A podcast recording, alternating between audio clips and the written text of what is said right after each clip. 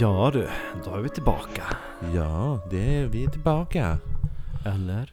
Då är vi tillbaka Då i... är det fredagsmys. Nu är det dagen efter julafton. Ja. När det här, slä... när det här sländs. Släns. Eh, Slendermans. Mm. Så... God jul, era Ja. jävla as. Merry Eh, Christmas you filthy animal. Precis.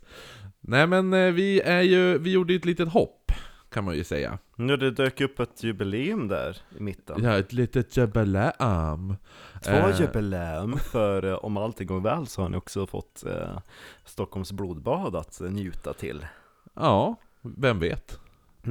En sak som jag upptäckte som jag ska ta inskjuta, och om ni kikar på den Då sitter jag och Kristoffer och skrattar åt när jag pratar om Sofie Dahl Och vi bara åh, Robert av Normandie Ja just det, den gamla godingen Men vet jag upptäckte om Robert av Normandie? Nej, vadå? Att den originaltiteln känner man ju igen Mhm. Robert de Diable av Maja B Nej. Va? Ri- ringer inga klockor. Nej det är inte musikalbög, men i Nej. början utav Phantom of the Opera på auktionen Mhm. Du vet när de auktionerar ut Kristallkronan och Ja. du har sett filmen? Ja Mm. Då, säger de, då nämner de två olika operaproduktioner Ja. Och då A original poster of this house's production of Robert Le Diable av Maya B Jaha. Det är lite kul tycker jag, för då tänker jag att då har han säkert letat efter kusliga historier ankopplat till operan Och så såg då Andrew Lloyd Webber att men det var en, en balettdansös som, som dog i en eldolycka Ah. I produktionen utav Robert Le Diable Kul, det var ju en liten eh, rolig anekdot. Ja, Eller jag, så jag, blev trivia. lite, jo jag tänkte att det var, det var lite kul faktiskt Ja. Mm. Men eh, du som eh, sitter hemma och lyssnar, eller vart du nu lyssnar, du lyssnar på podcasten Oknytt. Det är alltså en norrländsk humorpodd där jag, Kristoffer Satanisten Jonsson, sitter tillsammans med Marcus, narcissisten Österström, Ja. och eh, skålar i alkohol medan vi pratar mystiska, makabra och märkliga historier. mm. Välkommen till vår podd! Även nu också kallad dyngrak Ja, eller hur? Som vi fick höra. Shoutout till våran eh, kära lyssnarskara i Jakobstad Var det inte Jakobsberg? Jakobsberg Vad fick jag Jakobstad? Nej jag tror det var Jakobstad för de nämnde Harboga fyr som är i Österbotten De låg i alla fall med varandra. Fyren? Nej, hon, hon som skrev! Nej men det kan vi inte shouta out i den här podden Jag vill ju som sagt veta ifall någon har, har knullat medans vi, alltså oknytt har varit på i bakgrunden. Att vi har varit Tror du bakgrundsljud. att den statistik, jag vet tusan Någon kanske blir väldigt eh, våt av din smi Uppenbarligen. Diddy var väldigt våt för hon låg i badet Ni kanske minns Diddy, hon som hade besökt en skog Hon som har varit i en skog. Jo. Den, eh, den, den gick hem hos, den gick hem hos många. Ja men det var en vattendelare i sann oknyttanda Ja, jo. Det, är- det, var en, det är ett äkta oknytt. Det är så oknyttigt att den är exakt som podden är. Vissa älskar den och vissa hatar den. mm. Ja. Jag var, jag var så jävla less på alla som klagar nu för tiden. Ja jo jo Alltså, överallt ska det, ska det alltid vara. Det är bara klag och klag och klag. Jag är bara less. Jo men det här året, alltså kan inte bara gå och dö snart? Och så de här nya restriktionerna, ja men nu ska puben stänga klockan åtta, man bara wow, två timmar Gud, Ja. det kommer rädda liv Jo. För redan klockan tio, det är så tidigt så det är ingen utekväll Utan det är typ såhär, ja men sen middag Ja men precis. Jo, men det, det är ju här uppe hos oss. Stockholm och Malmö och Göteborg är väl kanske lite annorlunda. De sorts- bara, sen middag, det tar ju fem timmar att äta middag Nej men jag menar, då kanske det är de, alla som sitter och super sig dagsfulla på typ Crazy Horse. Ja, och eh, vad var det? Uh, oh, det var lite kul, jag var på en, eh, vad ska man säga, en corona, jag vet inte om man ska säga date, men då pratade vi om Stockholmskrogar och då nämndes både, inte utav mig, men utav honom både uh, Röda Kvarnen som jag vill gå in på och Ja, eh, där- Carmen. Ah, Carmen som jag Ja. ville gå in på. Ja, Våra, det, är- det, det är ju våra, det är ju vårt hörn. ja. Där. Den gatan. Vad är det? Finkrogen och fulkrogen. Vad är det för, det är Kärrhov, nej. Kärrhovsgatan. Söder, ja. Det är vid Medis. Det är ju, Medborgarplats. ja. Så det är ju där, men jag tror att det är Kärhovs, Kärhovsgatan den ligger på. Skitsamma. Där är det ju... Carmen... Var det på Carmen vi träffade din brorsa? Nej, Carmen var stängt. Vi gick inte in dit. Nej men vars var vi satt och... Men det var ju den där jävla Kirchstager, eller vad fan den heter. Ja, den var ganska, den var ändå ganska städad för att vara en ful krog. Jo, men... Fulisarna hade inte hunnit komma. Nej men det satt typ såhär stackars, eh, det var ju en avdankad eh, Södermalmskärring som satt med ett ensamt glas Ikea rödvin. Jo, det är fint, Ja, fint. jo det... Ja, han, jävla, vad heter han, han som du tycker om, han? Edvard Blom? Ja, han är ju fan katolik har jag upptäckt. Va, visste du inte det? Nej, jag utgick från att vi inte har något pedofil, pro, vad heter det nu, såhär, för, förespråkare. Men hans släkt var en av de typ så här, första katolikerfamiljerna i Sverige faktiskt. Oj, där har det skett hemska saker kan jag tänka mig. Alla, alla... Tänk på att jag driver Edvard Bloms eftersnack på Ja, Facebook. varför är jag med i den gruppen? Därför att vår plan är att, att jag ska bli tjenis med Edvard Blom, och så är han med i den här podden. Okej. I helkväll under en hundring efter att corona-helvetet är över. Och eh, jag, jag, jag har börjat bli lite tjenis med Gunilla. Alltså, Ja, hans fru. Ja, nej, vi hon är ska... kul. nu ska vi i alla fall tillbaka till där vi, vi har gjort ett hopp. Så avsnitt 99, det här är ju avsnitt 101, men avsnitt 99 Ja, prat, precis. pratade vi ju då om, eh, om de här yxmorden som skedde i amerikanska södern början mellan 1909 och 1912. Och eh, då, då heter det, där vi avslutade förra veckan så hade Clementine Klämman. Ja. Hon hade ju satt dit sin farsa, Barnabet, för ett av yxmördarens mord då. Eller ja, vad man tror. Han eh, hade placerat liken där föräldrarna stod på knä ovanför den här Exakt. ja, döda, döda barnen, deras döda barn där då. Clementine, hon har ju då sen efter hon satt dit sin farsa förmodligen utfört ett, ett mord själv, men verkar ju då haft medhjälpare. Då det utförs ännu ett till familjemord som uppenbarligen var alltså flera mördare som vi kom fram till där, för att det var ju olika fotsteg och lite sådana där saker. Mm. Kommer du ihåg? Ja, de, eh, det var väl flera indikationer på att det var flera gärningsmän. Ja, Och d- dels inte bara just det just det mordet, utan om man börjar dra paralleller med de, alla olika incidenterna så ser man att det inte är helt sanningsenligt utan nej precis. Eh, för det var ju massa som inte stämde överens om, om mördar, yxmördarens tidigare tillvägagångssätt och sådana där saker. och hur de placerade kropparna och alltihopa. Ja, och så typ att eh, en var ju skjuten. Ja, just Ja. det. Men vi är ju då rätt säkra på att Yxmannen är tillbaka efter Castaway-morden. Det är de, det är, det är de senaste Du morden. han är tillbaka efter Oknitts jubileumsavsnitt. Exakt, jo det är han ju också. Ja. Nej men eh, han, eh, Castaway-morden, det är ju alltså det första mordet vi tar upp. Det är ju det mordet som gör, de gör att, att sheriffen ringer och säger du jag tror att det är samma mördare till de här morden. Mm. Och det är där, det är där vi är nu, vid Castaway-morden. Det är det senaste mordet som har skett nu då. Och han gör det här kanske som ett statement för att skilja sig från det här Clementine-gängets mord. Eh, lite att någon annan försöker typ snylta på hans rykte ungefär. Jo, jag tänker också att det är en trend. Mm. Jo, yxmorden ja. Eller? Ja, men jo, jo exakt att, ja. Ja. men du, man får mycket cred i tidningarna om man... Verkligen. Eh, men så att han, han kunde inte acceptera att någon annan får cred Mm. för hans mord liksom. Så, då, det, och det jävlar skulle han visa nu då. För om man minns så var Andrews-morden var ju väldigt religiöst typ obscena eller vad man ska säga. Med just den här positioneringen av kropparna som att de bad ovanför barnen. Och Casaway var ju placerad i storleksordning. Eh, även om det var två olika rum så låg offren i som storleksordning. Och hans senaste mord tar det här ett steg längre. Det som kommer nu då. Eh, mordet var typiskt för yxmannen, han gick in genom ett fönster, i, alla familjer var ju mördad med baksidan av en yxa då. Eh, och likadant, alla i den här familjen var ju också då fått huvudet smashed in med baksidan av yxan. Som ett Kinderägg. Ja, eller hur? Det var kanske det han trodde. Exakt. Va? Vad ska trilla ut ur den här skallen? Överraskning och lycka och... Blod i ett. Eh, nej men så att ingen blir alltså skjuten som Och det var... han dödade så många. Det var ingenting i den här. Ja, eller hur? Ehm, nej men, eh, alla vart ju mördade på det här sättet då, inte som en Robert Randall som hade blivit skjuten som vi sa, där, sa tidigare då. Mm. Eh, den här staden låg längs järnvägen, precis som i Andrews-morden så lämnade han efter sig ett meddelande. Dock kom Clementine att stjäla lite av hans signatur och blanda in det i hennes kommande erkännande som vi kommer att ta upp snart. Eller lite senare i avsnittet. Men i alla fall.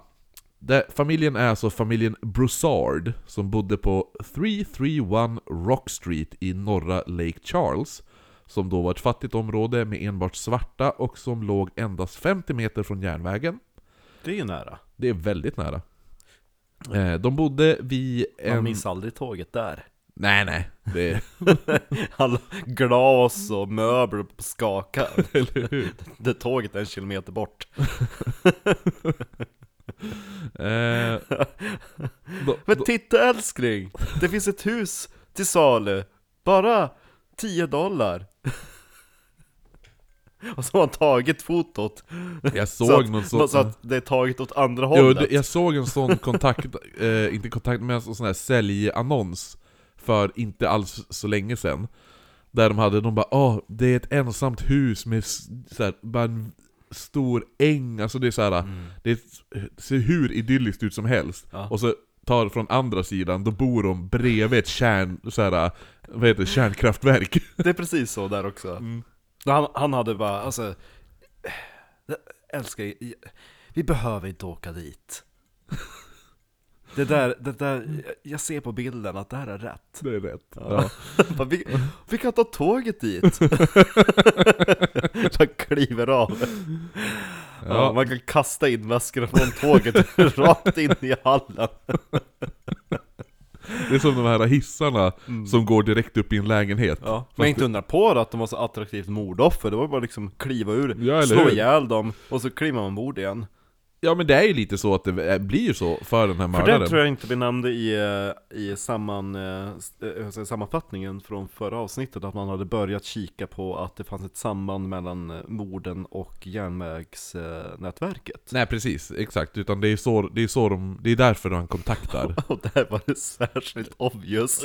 jo eller hur? Han bara drog ner fönstret och kastade en Kast, yxa. han kastade in yxan, han klev inte ens in i, i huset.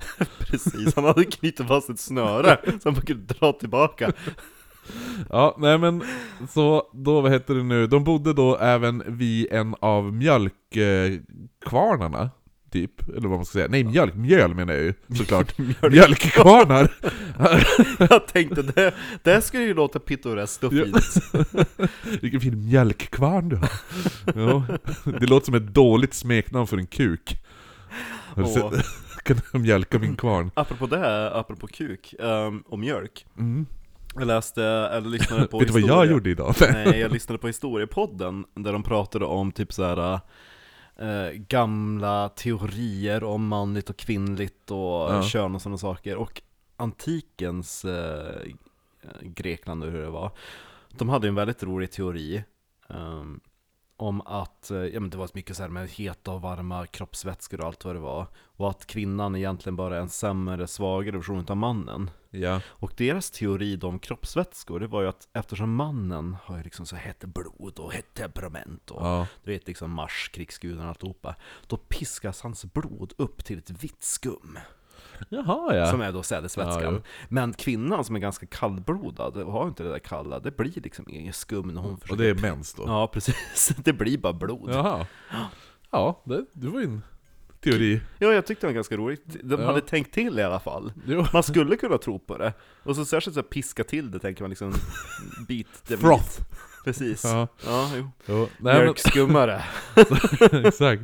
Nej men så den här familjen bodde alltså vid en av mjölkvarnarna, inte mjölk. Eh, där då pappan i familjen som hette Felix, han jobbade där i, i kvarnen. Och han arbetade även... Han frågar igen på men när ska vi börja mala mjölk?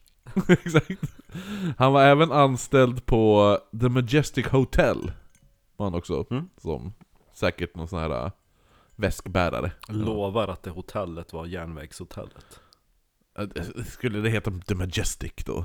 Kanske? Ja, okej, jag vet Jag vet inte. Han var omtyckt av både svarta och vita och beskrevs som arbetsam och intelligent och var inte den... eh, Som att den. nej men alltså...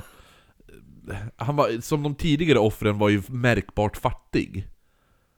Men var han det han den första som typ... Var det där min? Det var det säkert. Ja, nej, nej men... Eh, ja, alltså han den där... eh, Jag tänkte på han vaktmästaren. Jo. Som hade, han som hade en födelsedagsfest som var det jo, han var, bara, han var bara väldigt populär, men han var ju fortfarande fattig som satan. Man var, med? Jaha. Han bodde, i ett, han bodde i ett rum, ja, alltså, Men hur hade han då råd med... med festen? Bjuda in hela stan och Ja men de har ju gårdsfest ju, såklart. hembränt och ja. Ja. Eh, nej men han här nu, han är inte märkbart fattig då. Eh, som de tidigare offren. Han hade, inte, alltså det var inte så att han hade jättegott ställt heller precis. Nej. Men för att visa att den här svarta familjen hade lyckats så skrev man i tidningen att de hade fler än två möbler i huset. Det var hur de beskrev De hade en stol, två stolar och ett bord. Ja, eller hur? Ja men det, det står ju typ så här i tidningen har jag för mig Jag kommer inte ihåg exakt hur det var, men det är ju någon sån här eh, Ja men typ eh, Not your typical negro family This, eh, eh, typ eh, Felix Eller vad ja, eh, had More than one piece of furniture Among them, eller något sånt där Man bara "Ugh, Det går oh bra my God." nu. Ja eller hur? Man bara, Pengar rullar in Så- nu. det är inte så här, det är inte så att man bara 'Men gud vilken lyxfamilj' eh, familj heller eh, Men plus att de bodde De i... hoppas kunna köpa en säng en dag. Ja men de, vet du, de hade faktiskt tre rum! Bara tre möbler. Eller var det? Två. Mer, eh, mer än två möbler hade han ja. hade de i ett rum hade de en stol, i ett annat rum hade de ett bord, och så hade de en, en säng då kanske. ja men jag tror att sängarna räknas nog inte som så furniture, har jag för mig eh, Nej men så, tre rum då, och... Eh, och så de bara, räknas en banankartong som möbel? Man staplat lite backar och... Nej men så att, så att det är fortfarande betydligt bättre än vad... Alltså det är inte bra. Det är inte, de har inte gott ställt, men de har, ju, de har ju bättre än vad vissa andra av de tidigare offren hade. Exakt, det är, allting är relevant vem man jämför med. Relativt. Relativt. Ja, Och relevant. ja det också. eh, han bodde där med sin fru Matilda och deras tre döttrar, Louise som var sex år, treåriga tvillingarna Alberta och Margaret. Var där också.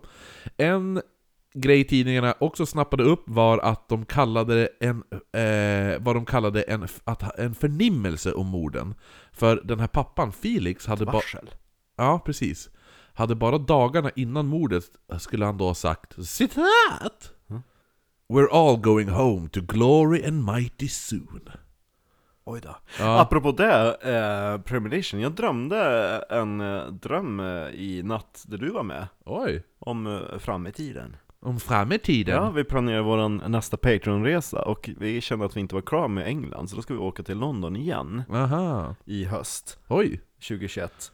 Och eh, Om de nu... då bodde vi eh, någonstans i London där inte jag hade varit. Och då hade vi typ såhär, äh, men, dela på oss, jag skulle gå och kolla på en urin eller någon skit. På någon- ur... ruiner. Jag, jag tyckte du att jag skulle gå och kolla på urin. Nej! Jag hade hittat, det var jättecoolt, det var typ såhär, den, uh, det var typ såhär, oh, en, The Gatehouse of a Lost Manor House eller någonting Ja. Och sen så dök du aldrig upp För jag hade blivit med i Taskmaster. Nej, men jag typ såhär ringde och så vad fan är det? Du bara, ja, jag blev intagen på någon station Oj! Jag bara, vad, va? Jag, va- vars då? Så jag bara, ja men på Little Charlie.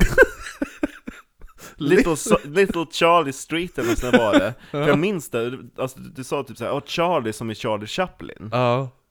Och så typ såhär googlade jag bara, men alltså Kristoffer, du ska ju hålla dig i närheten, jag bara, det där är på andra sidan Themsen, det var liksom jättelångt bort. Little Charlie.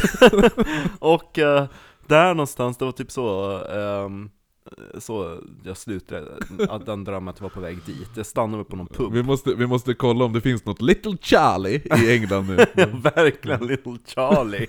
Ja. Ja, nej men... Jag är eh, nyfiken på vad jag hade råkat ut för också. Ja, jo, säkert nu. Ja, så här, Någonting jag tror man, man får göra, som man får göra i Sverige, men det får man absolut inte göra i England. Säkert, jag var Ja. väldigt upprörd också för att det var ungar som klättrade runt på de där ruinerna Som jag var och tittade på De asen. Nej men, det man vet är att den här familjen var vid liv klockan halv två på natten. Åh, jag måste berätta en till jättecool grej om Aha. det där Att de hade en modell över det där äh, manorhouset Som jag eh, gick för att titta på, för Ja. det var ju som sagt rivet, det fanns bara typ porthuset kvar Ja. Jag älskar hur detaljerad min dröm var Men då hade de byggt upp en modell av det som var skitstor För det var jätteenormt komplext, det var typ Versailles-storlek Ja. Och då berättade de, det här var typ första Alltså godset var så stort så de hade små järnvägsspår Som, som för att kunna ta, liksom för att de skulle kunna transportera sig mellan de olika delarna av, av, av eh, the state Ja. Och de tyckte att, att det var så vulgärt med järnvägar och maskinerier Så de hade byggt ehm, typ hus, byar och eh, liksom andra eh, vad ska man säga, arkitekturgrejer för att dölja tågspåren Jaha. så, de, så att det var typ så här en fasad utav ett hus eller kvarter och på andra sidan gick järnvägen Ja. Ja, det Och- var ganska coolt Det var coolt, och det här finns inte i verkligheten. Nej, Nej. nej Jag funderar på att rita upp det som jag minns, för det var väldigt, eh, väldigt detaljerat liksom, där- var typ floden och där var ett berg och där var det, ja Det var coolt och sen så ringde du och sa att du- det var på Little Charlie I'm a little Charlie! Det låter mer som att typ säga Frans Frans, Francisco, det inte göra. San Francisco? Ja precis, det låter mer som det Little Charlie in San Francisco. Det låter ju som ett slang för typ såhär Chinatown, Little Charlie Ja, det är som... Ja, precis. Little, För om little det var Italy. Om det var så, då är det ju mer logiskt att du är där, för du vill ju till Chinatown i London Ja. Eh, Synd att vi inte åt någon China-mat där Ja, jo. Vi var lite coronarädda De gick väl runt där och hade corona hela högen Ja, Ah, ja, nåväl säkert. Nu kan vi, nu kan vi fortsätta Kineserna eller vilka då? Ja precis, Jaha, okej. det var ju de som uppfann det Eh, Tillsammans med eh, raketer och porslin och ja, jo, de, är, de, har, de har gjort så mycket för oss. Ja, jo. Nej men så, det man vet är att den här familjen var vid liv halv två på natten då en granne ska ha sett dem tända en lampa och när hon då kliver upp på morgonkvisten och så hade bakdörren stått öppen. Hon bara, nej de äger en lampa. Oj, Vad kommer härnäst? Kolla, rikemans aset tror att de är så mycket bättre än oss Jag som bor 25 meter från järnvägen Jaha, fem möbler eh, Hennes eh, man går då över, knackar på, men får inget svar. Han frågade då sin fru om han skulle gå in, men hon sa att nej men det är lika bra att du hämtar polisen. Man vet ju aldrig vad de gör där inne men hon kände att nej, det är någonting som inte stämmer. Vi, gå, gå till polisen, eller the sheriff. Så en annan granne kom då till platsen innan polisen hunnit dit. Det här är en granne som heter JC nu ska vi se hur man uttalar han, hur jag ska så slakta Jay hans, Say. ja, med hans efternamn. Thibodeau. Thibodeau. Tububbo Ja, det stavas T-H-I-B O-D-E-A-U-X. Thibodeau. Thibdo Alltså, som Thai Budeaux. Oj då. Jag tänkte mer som Thebe, i, alltså templet Ja, skitsamma, han får heta, han får heta Thibodeau nu. Thibodeau Ja. Thibodeau. You're as dead as a Thibodeau. Precis Eh, det första han ser när han klev in i huset var ett barnsben som stack fram under en filt. Han tittade upp och såg nu hur sängarna var så pass dränkta i blod att de hade börjat suga upp vätskan och hur blodet rann ut in i, alltså till köket. Alltså det var, det var bl- blod, så här bokstavligt blodbad liksom. Han tänkte så här, åh fan den här vattenskadan Ja. Så när sheriffen då väl kom fram fann man att mördaren hade kommit in genom fönstret och sen lämnat huset via bakdörren. Alla i familjen var mördare med slag mot huvudet av en baksidan av en yxa. Men det visade sig att Matilda, alltså frun, mm. förmodligen vaknat under alltså, tiden då resten av familjen blev mördade i sömnen. Och hon för- hade då för, alltså, försökt skydda sig Aha. med armarna då, alltså så här. För man Hittar ser man skador sår? på, Okej, ja. ja. skador, men eh, uppenbarligen så hj- hjälpte inte det här, för hon var ju då också död då. Mm. Man fann att alla barnen de, de låg mördade i en och samma säng, och i ett separat rum från föräldrarna då. Mordvapnet var än en gång familjens egna yxa, och man fann yxan under sängen den här gången. En ny sak var att mördaren nu hade ställt en hink vid barnens säng. En hink för att samla upp allt blod som forsade ut från kropparna. Och detta gjorde alltså mer misstankar på att det låg något religiöst bakom, alltså som var bakgrunden till morden. Och dessa teorier stärktes ganska fort då man bakom ena dörren fann en text från bibeln, alltså som var från saltar, vad säger man, saltaren? Saltaren. Ja, jo. Ja, det låter som ett saltkar tycker jag alltid. Ja, Eh, ja. var Saltkaret. Saltkaret 912 som löd Citat! Saltkaret. Lite When we maketh the inquisition of blood, he forgeth not the cry for humble. The Inquisitor. Mm, och sen hade mördaren signerat med Human 5. Så du ska säga The Herald of Andraste. Nej, det stod bara Human 5, stod det. Aha. Två personer kom att bli arresterade men man kunde inte knyta några bevis till dem och förutom att ena då personen som hette Eliza Richards kände Marie Warner, alltså eh, ett av offren från de tidigare, från Warner-familjen, morden där. Men det var den enda kopplingen liksom, så att eh, de här släpptes då. Men man kom sen att arrestera pastor King Harris från staden Jennings i Louisiana, som faktiskt hade varit misstänkt för morden på familjen Randall i Lafayette. Och det fanns även kopplingar mellan honom och Clementine Barnabet, som hon, du vet, som sitter arresterad där. Mm. Hon som försökte sätta dit sin farsa. Men hon förmodligen själv utfört morden. Eh, så, men i alla fall, den här kopplingen mellan dem var via en sekt som hette Church of the, Church of the Sacrifice. Som man trodde var en falang till sekten Council of God. Som alltså var en svart extremistsekt och leddes av Albert Leon Antoine. Vad gjorde de då? Det ska jag berätta nu. Ja. De samlade medlemmar genom att skicka ut äldre svarta män till fattiga outbildade familjer, gärna med någon sjuk familjemedlem, där de då utförde en ceremoni och sa att om den sjuke var helig så skulle den leva, och om inte så kommer den att dö. Vilket då, alltså, de har ju rätt då hur som helst. Du vet, det är ju väldigt... Jo, eh, verkligen. Ja. Eh, sekten grundade sig i ett hat mot vita människor. Man trodde att himlen och helvetet redan existerade på jorden. Och att de, de vita... Det vet vi ju genom blodbadsvandringen, att helvetet ligger ju söder om Umeå, Ja. norr om eh, Nordmaling. Eller hur? Nej men de trodde att alltså jorden, att helvetet och himlen samexisterar på jorden. Och att alla vita levde i himlen, mel- medan alla svarta var dömd att leva i fattig- fattigdom och utan rättigheter. Eh, och som då var helvetet. Uppmuntrande teori. Mm, och att den enda vägen för svarta att ta sig till himlen var att utplåna alla vita. Oj. Mm. När jorden var fri från vita kunde de, fattiga, de här fattiga svarta ta deras plats i himlen. Och de, som, de här svarta som var utbildade och hade det redan hade, alltså som redan hade det gott ställt Ja. och var respekterade medlemmar i samhället, de skulle då bli slavar till de fattiga svarta som nu har kommit Alltså ut. snälla, vilken idiotisk teori. De är bara avundsjuka för att några lyckats liksom ta sig någon vart. Tänkte du de här, de, de eh, alltså färgade som eh, har det gott ställt? Ja. Ja, jo precis. Ja. Ja, exakt. De bara ah, jo. Ja men den, som den här familjen nu, Ja. som blev mördade, de hade ju lite bättre än vissa andra. Jo, så att då, sk- ja. Ja. Nu ser man att, eh, att bara för att det är ett hatbrott behöver inte bara vara en vit gärningsman, utan det kan lika gärna vara en avundsjuk svart. Tänker jag, efter att ha hört det där.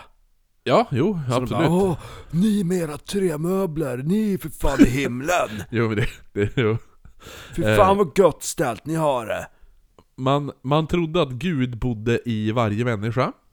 Det var också en av teorierna. Och, Jobbigt för gud. och att Antoine hånade alla svarta människor som bad till Gud. Han sa att svarta människor har bett till Gud i tusen år nu, och vad fan, har, det har inte gett, lett till någonting. Nej, det har de inte. De har ju bett till en massa andra konstiga gudar. Jo, jo, men det var ju, som, det var ju så han sa det. Mm. Han menar att alla svarta, ni går och följer Gud och följer Gud och ber till Gud, och men ni får ju aldrig bättre. Nej. Ja, men lite som vadå? Det är ju som eh, oss i Sverige, vi hade ju också... Mm. Vad är det? Vad är det, man, vad är det då? Poly... Polygami. Jo men det, det heter något med poly. Ja, att- jo, precis. Ja. Eh, nej, så att, Polyfonisk ringsignal. han, ja, men han menar att, att, att eh, det, är det är inte lönt att be till den här guden som ni ber till. Alltså, eftersom, eller ja, det, han menar att Gud bor i alla människor, och just det här att himlen och helvetet existerar redan. Sen så tycker jag att din eh, teori som du har hört är bättre, den är att ja, men för ber du till Gud, Guds vilja kommer att ske oavsett om du ber eller inte. Och, och din önskan kanske går emot Guds vilja, så då är du ju syndare. Ja, jo, det, är, det är George Carlin, den här... Ja. ehm, att... Eh, ja men alla, alla ber till Gud för att, för att få det ja men jag ber till Gud att jag får det här jobbet. Mm. Men eh, de, då har de ju glömt, glömt bort Guds gudomliga plan, för Mm. Gud, har ju all, Gud har ju en plan Mm. eh, för alla människor. Det är det man säger när, när ett barn dör, ah det var Guds plan. Ja. Ja. Tänk om det du ber för går emot Guds plan, då ska, ska, han ändra, ska han ändra sin plan bara för dig? Inte Så det är lika lite bra att inte be. Ja, exakt. Eh, men man praktiserade också i den här religionen månggifte och hade ceremonier som avslutade med, avslutades med orgier. Bukake. Ja, ja, jo, jo. BBC. För hela slanten. Sekten upphörde dock eh, 1907, så, och efter att flera personer blev arresterade efter en shootout med polisen. Eh, sekten De var hade... mitt uppe i en bukake så kom de in där. Nej, de var mitt, de var nästan. Eh, de, det var att de hade haft en bröllopsceremoni hemma hos eh, Edward Arn, Arnor, hette han typ.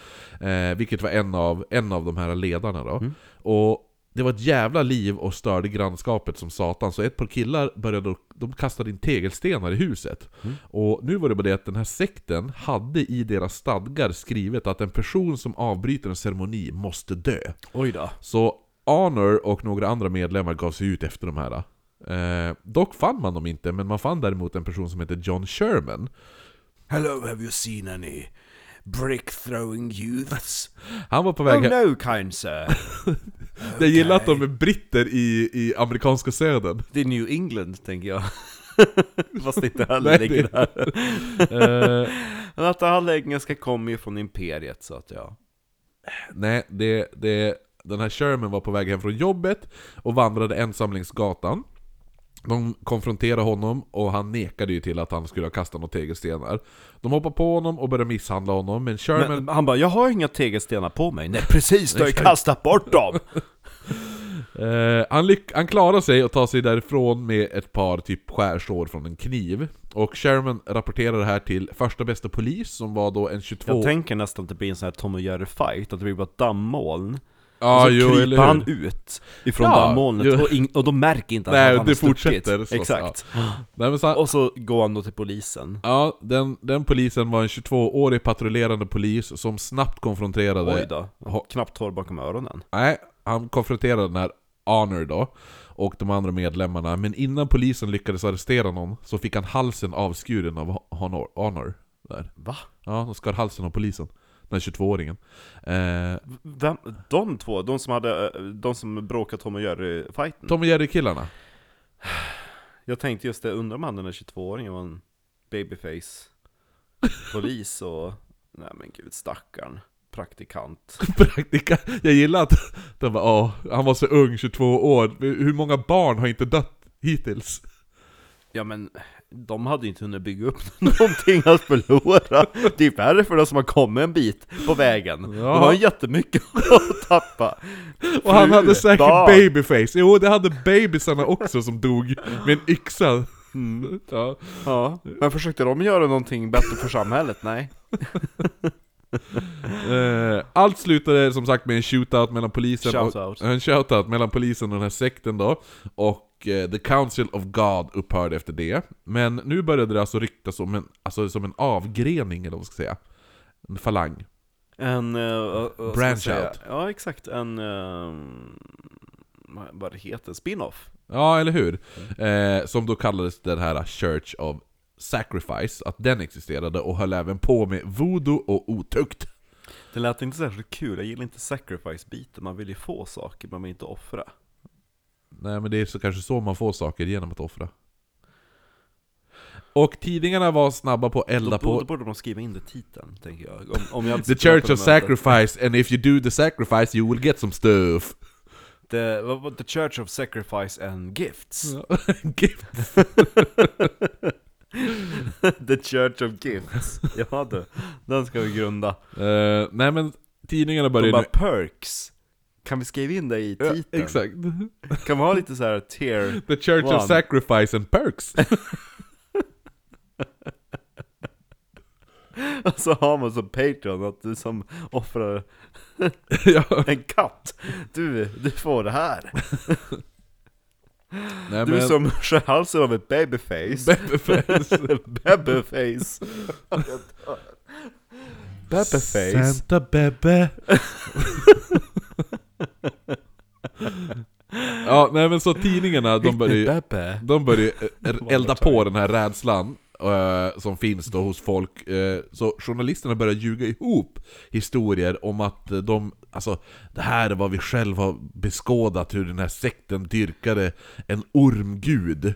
Och hur de hade orger i vita jätters blod. Oj, oj, Och oj. avslutade allt med att ta in en vit flicka, förmodligen en oskuld. Det kändes väldigt Indiana Jones Ja. plötsligt. Förmodligen en oskuld som de då offrade till den här ormguden Men det här var ju bara, alltså tidningarna skrev ju bara, de hittade ju bara på sånt här för att sälja tidningar liksom Gud, alltså tänk att vara journalist på sekelskiftet, det bara att skriva Alltså hittar man inte någon intervju, då bara hitta på själv Ja men eller hur? Det är Men, ungefär som första rubriken efter Titanic äh, Vi vet ingenting, men vi skriver att alla överlevt. Ja, ja det är bra. Och så sen bara eh, Vi har fått in lite nya rapporter om uh, Tittan Ja, Okej, alla dog. Förutom typ 600 pers. Ja okej, ja. Ehm, Ja men, uh, tror att någon läser tidningen? Eller? Ja, jo, det sålde ju slut Första numret det var the original fake news. Eh, Men personen de arresterade, han hette ju då som sagt King Harris Och som menade att han var, alltså de bara 'Du är en av ledarna i The Church of Sacrifice and Perks' eh, Och han sa att Alltså han bara 'Jag har aldrig hört talas om den här sekten' Och han menar att alltså, ni blandar nog ihop det här med kyrkan som jag faktiskt tillhör Som heter Christ Sanctified Church Alla dessa förbannade kyrkor. Alltså, och det, det verkade som att det var, alltså, så var fallet också, så man släpper då den här Harris Tänk att de sätter upp affischer sen att, att eh, The Church of Sacrifice and Perks are banned. Eh, Nej men två till personer arresteras för en koppling till då The Sacrifice här. Precis som de tidigare fallen eh, så var de då alltså mörkhyade och personerna var Ed Giles som beskrevs som en jätte Har de beskrivit han som Han var hela 1,80 ah, Nej han var ju, han var tydligen typ 2,10 eller något sånt där, det är riktigt konstigt Eh. Och sen den andra var Dr. A.E. Anderson Som inte ens var doktor utan han använde det bara som epitet Ja, som vi ja. Han bara I'm Dr. A.E. Anderson' Oh, what you're a doctor in? No, my name is Doctor Eller så var det Doctor Who Ja, eller hur? När polisen förhörde Giles tyckte de att han uppförde sig märkbart konstigt då Jaha, är Han konstigt. satt hela tiden och gjorde konstiga tecken med händerna Och han blev alltid tvärtyst när de frågade om hans religion Han svarade på allting annat Alltså, då kunde han, alla, alla andra frågor svarade han Jag utan. pratar inte om religion, pengar och politik. Ja, ja. Exakt, det var det han sa när han kom in. Och bara Det här är ju faktiskt ett rådmord på en politiker i en kyrka. Ja, det blir svårt att förhöra mig då. Och motivet var pengar. Ja, det var det som var rådmordet, man rånade Ja, pengar. exakt. Eh, Nej, men han svarade på allting utom frågor på hans tro då. Då blev han typ som en sten. Dessvärre kunde han inte heller då knytas. Eh, men man valde ändå att skicka honom till typ mentalsjukhus. För han var, de bara alltså, han är uppenbarligen galen den här snubben. Eh, Dr. Anderson här då, som inte var en doktor utan en kringresande präst. Som hade rest runt i Texas och Louisiana det var därför man då förhörde han, just för att han har rest runt tåg eh, i, Bland annat i de här städerna Ja, ja alltså kringresande präst Ja. Ja Och nej men så det var ju därför man då typ alltså förhörde honom, ja, valde han då. Men det visade sig att han heller inte hade någon koppling till Church of Sa- Sacrifice. Trodde du skulle säga, och det visade sig att inte han heller ville prata om politik Nej, och pengar. exakt. Nej men han, alltså för grejen är ju så här. Eh, och om den här kyrkan ens existerar, för det är ju bara ett rykte. För så vitt polisen vi- visste så var ju, alltså det, det, det, de, de har ju inget bevis på att den här Church of Sacrifice faktiskt existerar. Så man släpper då honom i brist på bevis och även brist på motiv. Ja. Plus att det sk- sker samtidigt så sker det ett nytt mord. Så det är också kanske ett anledning att släppa han. Ja. Den här gången i västra Texas, i staden Beaumont, eh, bara ett par mil från Lake Charles. Så att det är ungefär som typ Nordmaling. Mm. För oss. Ja. Inte Lake Little Charlie. Nej, Lake Little, Little Charlie! Jag tänker bara på den där jävla Charlie bit my finger, Charlie! Ja just det, Ja, gud det gamla. var länge Ja. sedan. Eh, Beaumont var från början ingen storstad. Alltså, de livnärde sig genom att skeppa timmer via vattnet till andra städer. Gud vad Umeå det kändes. Mm, eller hur? Men när man den 10 januari 1901 fann olja i en oljebrunn som exploderade och sköt upp olja 40 meter upp i luften så Jäklar. ökade befolkningen Synd bara att det inte fanns någon olja kvar sen. Jo det fanns det. rann ut. Ja. På tre månader ökade befolkningen från 9000 till 30 000 personer. Där snackar vi boom. Det, det är verkligen. Det är också väldigt Umeå. Ja, och precis som mördarens tidigare städer låg Beaumont kopplat med järnvägen, såklart. Vad var det Offren, första de byggde? ja, jo. Var ska järnvägen gå? Offren den här gången var familjen Dove, som bestod av mamman Hattie, 30 år, sonen Ernest, 14, döttrarna Ethel, som var 14, och Jessie Quirk. Eh, Jessie var då en vuxen dotter som, som var frånskild och flyttade tillbaka hem. Det och hur många möbler ägde de? ja, jag vet inte, många, men det bodde faktiskt en man där som hyrde ett rum av Hattie. Alf. Ja, eller hur? Det är han som gjorde möblerna också. Han hade emigrerat från eh, Sverige. Jo, det här är hans... Eh, när han studerade utomlands. Precis. Prova sina vingar. Det, ja, de, det var... Ah, Var det ah, inte ah, något eh, mord de trodde var ett yxmord, men sen så visade det sig att de hade fått huvudet inslaget utav ett bordsben. Vem vet? Det kanske kommer. Eh, nej men, Hattie... Eh, Catty. Hattie Catty, ja. Hon, ja, hon hyrde då ut det här till Alf, som vi har valt att kalla han nu. Eh, och han jobbade då som, vad heter det nu? Möbelsnickare.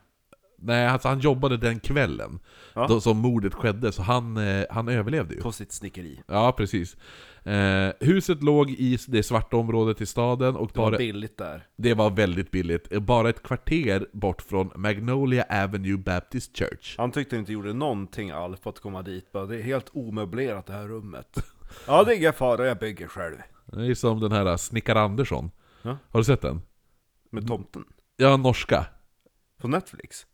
Ja, ja, den kanske finns där. Ja, Ja, när han får hem till han får hem till tomtens eh, familj och, och snickrar saker åt dem. ja. Ja, det är ju Alf. Jag läste den boken när jag var liten, väldigt fint. Är det inte Sven eh, Nordqvist som har illustrerat den också? Ingen aning. Petson och Findus. Ja, men jag, jag har inte läst boken. Nähä, Jag har bara sett filmen. gud vad roligt. Ja, ju. Mm. Familjen hade synts på söndagen den 18 februari och de hittades på morgonen dagen efter och likt de andra morden hade alla mördats medan de sov med ett slag mot huvudet med den trubbiga sidan av en yxa. Yxan stod som tidigare tillfällen uppställd vid sängen men man fann även en näsduk som mördaren torkat av sina händer på bredvid yxan.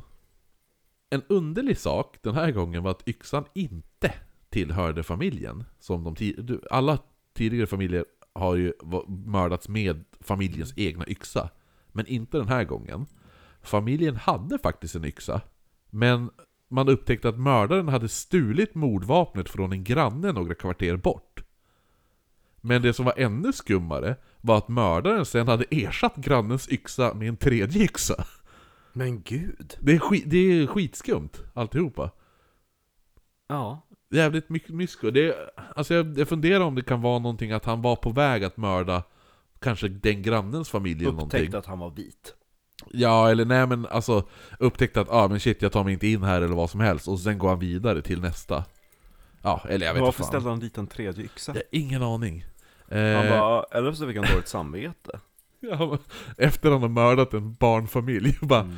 "Ah, jag mår så dåligt, jag tog hans yxa. Knackade på Han kommer ju inte kunna hugga ved imorgon. Eh, skräcken spred sig i staden och det hjälpte inte att tidningarna i Beaumont själva började sprida skräck genom att rapportera om att mördaren var en vild demon och att ingen gick säker, skrev de.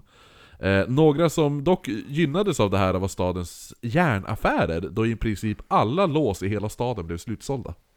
Mm. Mm. Började dyka upp lite DIY då i tidningen, så bygger du ditt eget låssystem. Ja men eller hur? Alf fick jättemycket att göra. Ja, han har aldrig ha- haft mer jobb alltså, satan. Och så nu bor, han, nu bor han ju själv i huset också. Ja! Eh, Men den här rädslan hade så sagt, alltså det hade ju sina dåliga sidor också. Eh, speciellt för alla i den fattiga delen av, av staden då. Som alltså var de här områdena som mördaren riktade in sig på. Och befolkningen började nu beväpna sig. De här områdena bestod ju då av enbart svarta medborgare, så då började ju nu de här vita medborgarna i samma stad bli väldigt oroliga. Eftersom de hela tiden fick via ti- höra via tidningarna om massa voodoo. Och att svarta vilda män går och våldtar och mördar vita flickor. För det, det, det, har, ju, det har ju tidningar suttit och skrivit hela tiden, om de här The Church of Sacrifice and Perks. Ja. Så att då har de skrivit att ah, de har voodoo, dyrkar ormgudar och offrar vita oskuldsflickor. Ja. Och så sen då, nu börjar alla svarta fattiga börjar beväpna sig för de är rädda för att bli mördade av den här yxmördaren. Och då börjar alla vita bara Shit! Nu har de här äh, som går omkring och kidnappar vita flickor och offrar dem, nu har de börjat skaffa vapen. Typ. Så att, så att eh, det är, det är så här extrem jävla skrämselpropaganda. Alla går runt och kramar en yxa på stan. Ja men eller hur? Men också, grejen är ju också typ såhär, äh, vita blir, är ju också rädd för, för den här yxmördaren Men det, alltså Mördaren är ju ute efter svarta personer, inte vita Det är ungefär som med Jack the Ripper, var du inte prostituerad och bodde i Whitechapel, då var det lugn. Ja, det var det man trodde om Yorkshire Ripper också Ända tills han kom till Manchester och Bradford. Manchester! Eh, Pimlico. men det här var ju då ett sätt att sälja fler tidningar såklart och, Ja, gud ja. ja, ett Som sätt som sagt. uppenbarligen fungerade också, för de, alltså, de fortsätter ju skriva mer och mer historier så att Gud vad man skulle ha älskat att jobba på tidningen, bara hitta på. Ja men bara sitta och bara, ja exakt eh, De, de Det som är då man hittar på den Kalima-biten Ja eller hur, eller hur? Eh, de som Svarta har sett slita hjärtat ur, eh, ur vita unga flickor ja, och tända eld på dem. Exakt De, Och så, äta eh, soppa ur apskallar. ja Och ögon, eh, nej de äter inte soppan Soppan är ju med ögonen Mm. eh, Hjärnskallarna äter de ju bara typ, det är ju hjärnan de äter Ja men de äter ju... Det är typ, eh, var inte det efterrätten? Jag vet ju att de har ställt ifrån det där apkranet och lyfter Jo. bort. Jo precis, men in, soppan äter de innan, det är då det flyter upp ögon Just det, Mm. ja. Mm. Ja, ja, ja. Eh, De som bodde i den fattiga delen av Beaumont började även behandla alla främlingar som potentiella yxmördare och jagade bort flera personer som de inte kände igen. Gud vad Så kul det var. Kunde inte gå på besök hemma hos någon där. Turistbyrån där gick inte så bra för. Vid ett tillfälle så misstog man en man som hette Adam Bobineau. Eh, Domino. Ameno. Ja, Adam Bobineau. Eh, han, han misstar sin granne Horace Alexander för att vara yxmördaren. Eh, För att han hade en yxa. Va? Han nej, har- nej, nej tvärtom. Alltså det, uh, Bobino blir misstagen av sin granne Ja. eh, Alexander här då. Mm. För Alexander hade nämligen stått vakt utanför huset. Och eh, det här huset var ju då ett parhus, ungefär som att det var, alltså, ja, det var två familjer som delade på ett hus då. När han då står där och vaktar huset och ser Bobino, eh, så ser han ju bara en mörk gestalt som står utanför, och utan varning så, så börjar han bara skjuta, och så skjuter han alltså ihjäl honom. Oj. Mm. Sen har vi då även Nax Warren som sköts till döds av sin granne, då Warren gick i sömnen. eh, och folk började även sova med fiskelina knuten mellan dörrhandtaget och tårna. Gud vad uh, Jönssonligan. Ja, och Dan Green från Jokum höll på att lära sin fru hur man använde deras hagelbössa så att hon var, kunde vara beredd ifall inte han var hemma. Du trycker här. Ja. Var? Här. Ja, ungefär det som hände, för grejen var att han hade inte säkrat den och båda piporna avlossades och de sköt ihjäl deras treåriga dotter. Nej men gud. Åh! Eh, men värst var det då... Ja, det är bra älskling, det är så man gör! Nu har Tänk- du dödat den! Nu kommer det inte vara något problem, kan du döda våran treåriga dotter, då kommer du ju säkerligen kunna döda yxmördaren.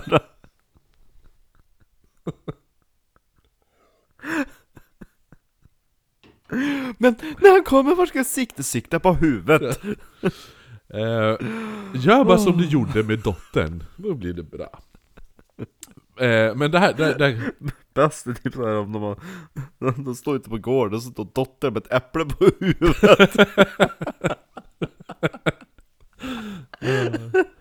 Så bara, oj det där var hagelbössan det, Var den, här, den här kommer du också gilla. För det som är typ värst är ju då när, alltså, det var en man, han hade då bett sin granne vakta hans hus. Eh, men misstagit honom för mördaren. Och då skjutit ihjäl honom. Misstar man den som man har utsett till sin egen vakt? Jo men det blir bättre, det blir bättre. En annan granne hade då hört det här skottet, men för någon anledning så hade han ångrat sig halvvägs och vänt om. Eh, för att han, var- förmodligen kanske att han var rädd att stöta på yxmördaren. Medan han då springer tillbaka hem, så ser en fjärde granne den här snubben, och tror att det är yxmördaren, och skjuter ihjäl han. Det är helt sjukt!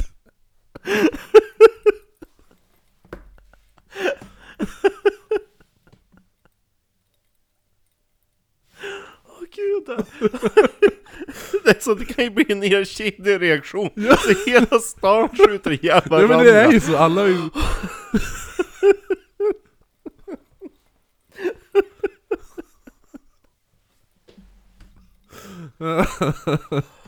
Gud, det är... Jag har inte skrattat så här mycket sen av Fridas mikro Åh Åh herregud Oj oj oj. Men, Ja, det, men Jag tycker ändå det var bäst att man, att man blir rädd för en person man utsätter sin egen vakt. Men det, Och man ska lära frugan att skjuta, att de skjuter ihjäl sitt eget barn. Men det var Guds vilja. Ja det var det. Det var det han sa. För att trösta henne sen. Jo, jo, det, det- var ändå det var- Guds vilja. Och vad har jag gjort? Det var inte du som gjorde det, det var Gud. Han bor inom oss alla. Har jag hört. Ja. Nej men det var faktiskt en person som vittnade om hur han blev varse om hur, alltså, Att Alf överlevde ett under. Ja eller hur? Nej men han hade, alltså han hade sett en, en person som, som han beskrev, han, Be- Beskriv, vad har du sett? En person? ja, han beskrev det så här. Det, här är, det här är hans citat! En stor svart mulatt med yxa hade han beskrivit det som. Oj, det var målande Jo, jo. Det är ju, alltså mulatt är ju typ så, sämst ord Ja, alltså. verkligen För det är ju, det kommer ju från, alltså mula. Ja, Ja. mula, ja exakt. Alltså, det är så jävla... Ja men alltså grejen är att, att vad heter det nu? Det, det är så här, viss, folk vet, det är inte alla som vet det och liksom använder det ordet som att de bara 'Men det, hur ska jag annars beskriva människan?' Som en människa?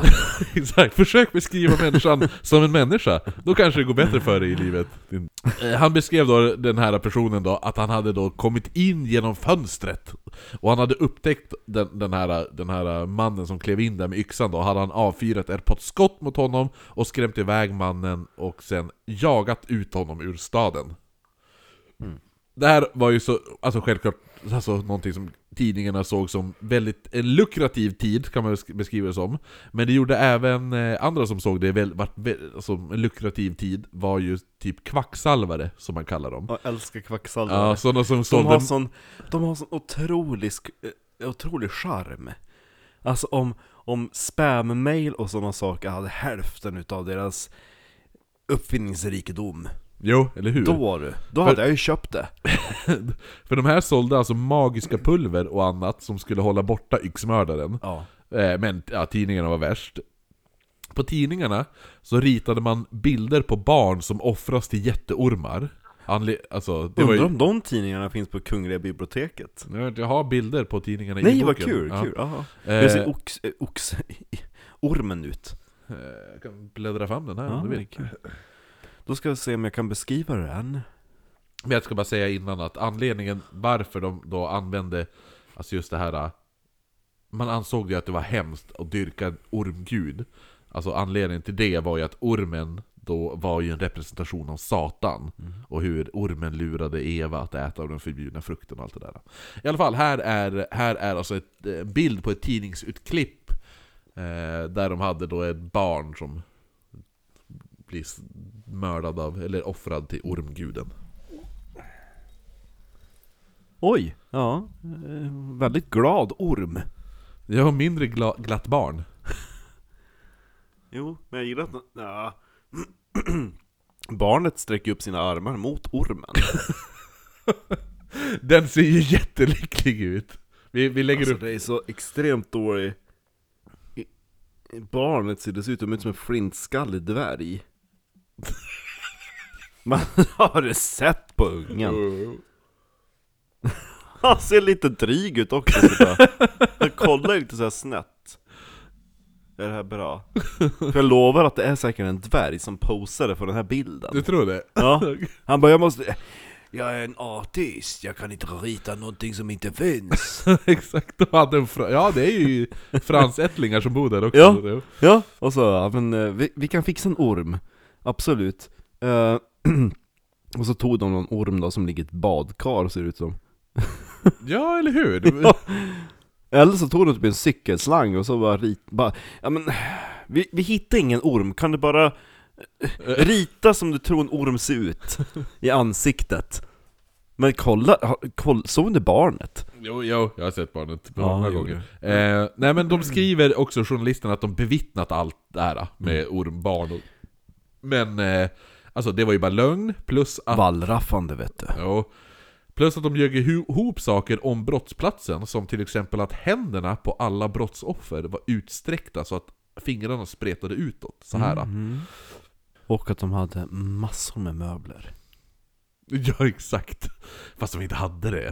Eh, nej men, och att de skrev att det var små pinnar mellan fingrarna för att hålla fingrarna isär. Oj, men Det- alltså hur tänkte de att, vad, vad hade de för eh, motiv kring den teorin? Men kommer du ihåg vad mördaren hade skrivit på ett ställe?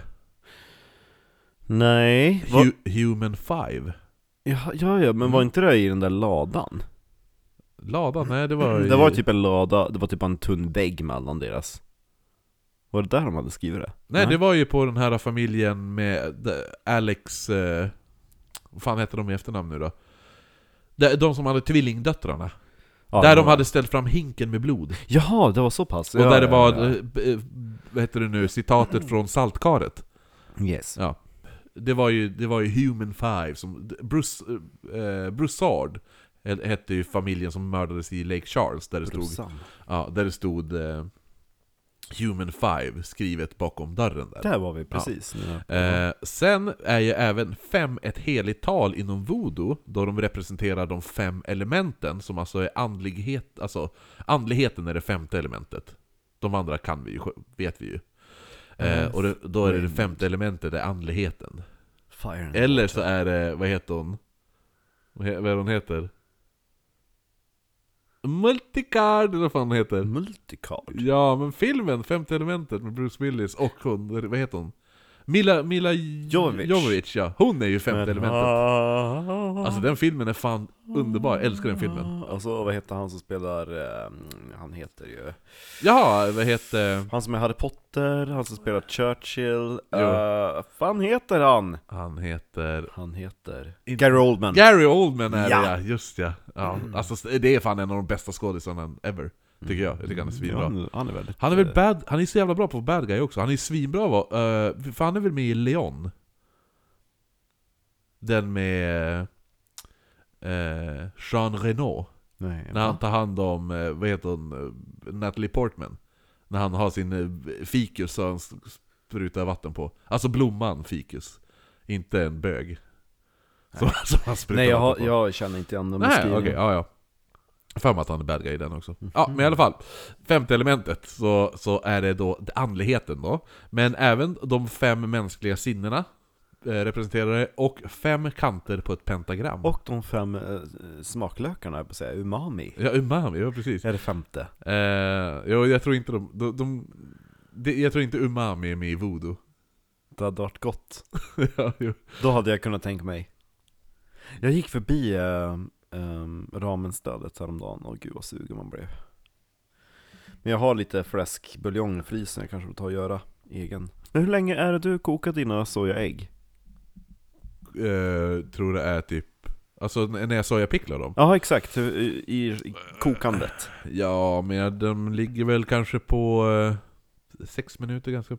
Sex... Mm. Ja. Sen kyla ner och sen i soja och sen så ja, det är lite annat. Det är... Eh, vad heter det?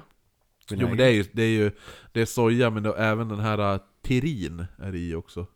Jaha. Och Choklad? nej, nej, det är som en sån här vätska typ. Och så sen eh, sån här... Vad fan heter Miso? det? Vinäger, ja, vi, risvinäger. Ja. Ja. Gott? Risvinäger, Ja, ja jag, kan, jag kan skicka receptet. Eh, I alla fall. Du, du, du. Jo, så att, men eh, fem, det är fem kanter på ett pentagram också, så Mycket fem. mycket fem där. fem Inget gänget. sex, bara fem. Sen ljög även tidningen om att Det var varje... deras slogan. Mm. Ingen ville gå med. Eh, nej men tidningarna ljög också, för de, sk- de skrev nu att ah, det måste vara det är voodoo-folket och allting är kopplat till fem, för i alla fall så har det alltid varit fem stycken offer. Ja. Men det vet ju du och jag, så är det ju inte alls det. Eh. Det är ju bara, det är i något fall det har varit fem offer. Eh, och som grädde på moset då i mitt i all panik så slår mördaren till igen. Och denna gång i en liten järnvägsstad som heter Glidden i Texas. Eh, Parthenia Monroe var den 26 mars 1912 på väg hem till sin mamma Ellen Monroe för att hälsa på henne och sina syskon. Då Parthenia istället bodde då med sin mormor eh, alldeles bredvid då. När hon öppnade dörren fann hon att familjen plus en manlig inneboende alla hade mördats i deras sängar. Alla utom mamman Ellen som förmodligen måste ha överlevt det första slaget mot huvudet och efter det stapplat ut i rummet där hon fått ett, ett till slag som träffar sidan av huvudet för att då falla ner och, och, eh, och dö i en pool av sitt eget blod där på golvet. Eh, offret var mamman Ellen då som vi sa, hon var 46 år, som alltså inte bodde med sin man John då de var separerade. De hade 14 barn, varav fyra blev yxmördarens offer. Detta var Willie, han var 16 år, sen var det Dewey som var 12, Jesse 11 och 8-åriga Alberta. Polisen beskrev även att slaget som träffade Willie hade fått, haft sån kraft att pojkens huvud hade exploderat. Oj! Den inneboende mannen som också mördades var 37-åriga Lyle Fin... Det här är också, kommer också slakta hans efternamn. Finucane, eller något sånt där. Det gör ingenting, han är redan slaktad. Det, det är han faktiskt. Eh, han, Lyle där, jobbade då längs järnvä järnvägen och en teori var att han kan ha känt, eller i alla fall stött ihop och pratat med yxmördaren innan morden. Då det är högst troligt att mördaren också jobbade längs järnvägen. För det är den teorin man har. Han bygger järnvägen allt eftersom han mördar. Eh, innan mördaren lämnade huset hade han tvättat händerna i en balja vatten och som de tidigare fallen hade han lämnat yxan, inte vid sängen denna gång utan bredvid baljan med vatten. Polisen lyckades faktiskt hitta ett spår som ledde från huset till ett annat hus som ägdes av en man som hette Jim Fields. Som man spårade med hjälp av, på den tiden använde man ju alltid blodhundar. Mm. Jag tycker det är så jävla Coolt. Ja men alltså riktigt så här amerikansk fängelse Alltså rymma från fängelset, då är det alltid bara 'Release the bloodhounds' Jag vet inte, är det någonting, det är något så här. äh, Det är nästan värt ett ditt avsnitt om blodhundar och... Ja vi har ju pratat lite om blodhundar i Jack the Ripper De som varit utlånade Ja, just det, de är vid sista fallet. Jo, det gick inte jättebra för dem. Ehm, men eh, det, det är spännande där ju. Ja. Framförallt hur man kanske har avlat fram dem och hur de användes.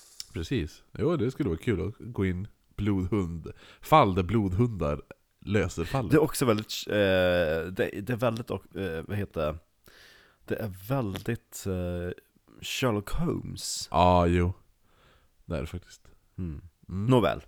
Man upptäckte att den här l- snubben här, Jim Fields, inte bodde i staden längre utan bara var där för att hämta sin fru Ida Booker då de skulle flytta till Flatonia i Texas, vilket gjorde att polisen trodde att han var på väg att fly.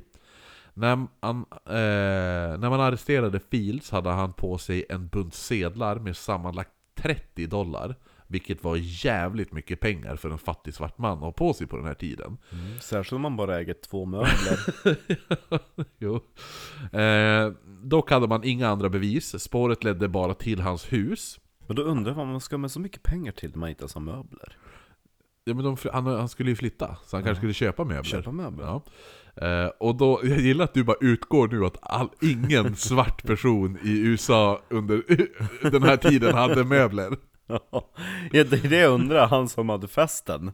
Ja, hur mycket möbler? Men det var det jag säger, det var ju en, det var en gårdsfest förmodligen. Ja, eller hur? De var ju utomhus. Kul! Liksom, rolig fest. Ja, Det, det lät bra till början. jag kom till min fest, ja men, aha, vart Var jag- ska vi sitta då? Det regnar ut. Jag har inga möbler. Nej. Eh, nej men så spåret leder ju så bara till Alla hans bara hus. sitter på golvet. Ja, för det är ju som inte fotsteg de hittar, utan det är ju blodhundarna hittar ju spår. Alltså de hittar, de hittade spår och tar då till hans hus. De går inte in i huset, men där Nej. slutar spåren. Och ehm, alltså, efter det, det var ju som ingenting mer. Men efter några dagar så sa deras förra hyresvärd C.M. Bailett att Aida hade sagt till honom att Fields förmodligen är mördaren. För han var så himla konstig. Och det här var vad Aida sa till honom. Det är alltså, det är han, det här är hans vittnesmål. Ja. Där han säger vad Aida har sagt till honom. Citat. Citat! On the night of March 26th, we were at Charles Field's house waiting for the train to go to Flatonia. About 12 o'clock, we started to the train in a wagon with Charlie Fields and his wife for Glidden. They were taking us to the early morning train number 9.